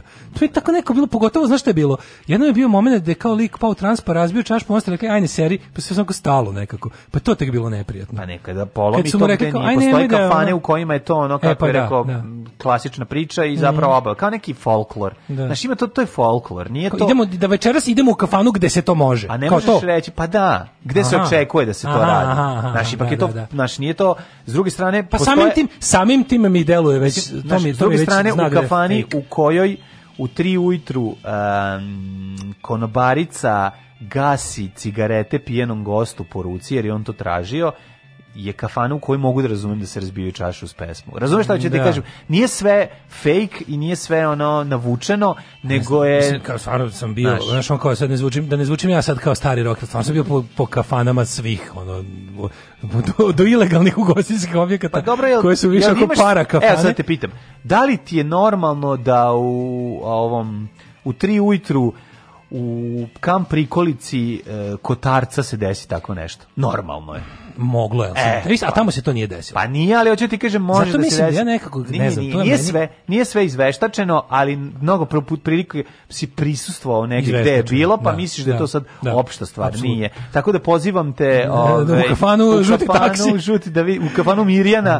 da, da. ove, ovaj. e, jel znate tamo vi koji ste s Da te konobarice izvode šrapci. Jel radi žuti taksi još uvijek na, na Dorčevu, mađu ste šta je to, majko Pa ako tamo, ako tamo nisu razbijali, neće nigdje. Pa mislim, po, maš, verovatno se, u Ribaru će se razbijati, u Vencu. Pozivam te u Venac, pa da, ove, ovaj, da kad budemo branili... E, u Vencu je, na primjer, konobarica rekla, aj, nema me zajebavati, oni da. bilo, i pa, kao neki baci, da i onda ga natrala da sam čisti. Tako. Ajde, nosi u kurac, mi rekla, nemoj da me nerviraš. To ne može, da to nije moglo da, da. se radi u uh, Venac, je nosi, vuče staru um, tradiciju državne kafane U državnoj da. kofani to svaki lom se plaća. plaća. Svaki Ako, lom se plaća. Se plaća. Evo, I ako kupiš najnik ili ako kupiš piles. Tako. Isto ti bude. Aj, zdravo. Aj, čao. Oh, Tekst čitali Mladin Urdarević i Daško Milinović. Ton majstor Richard Merc.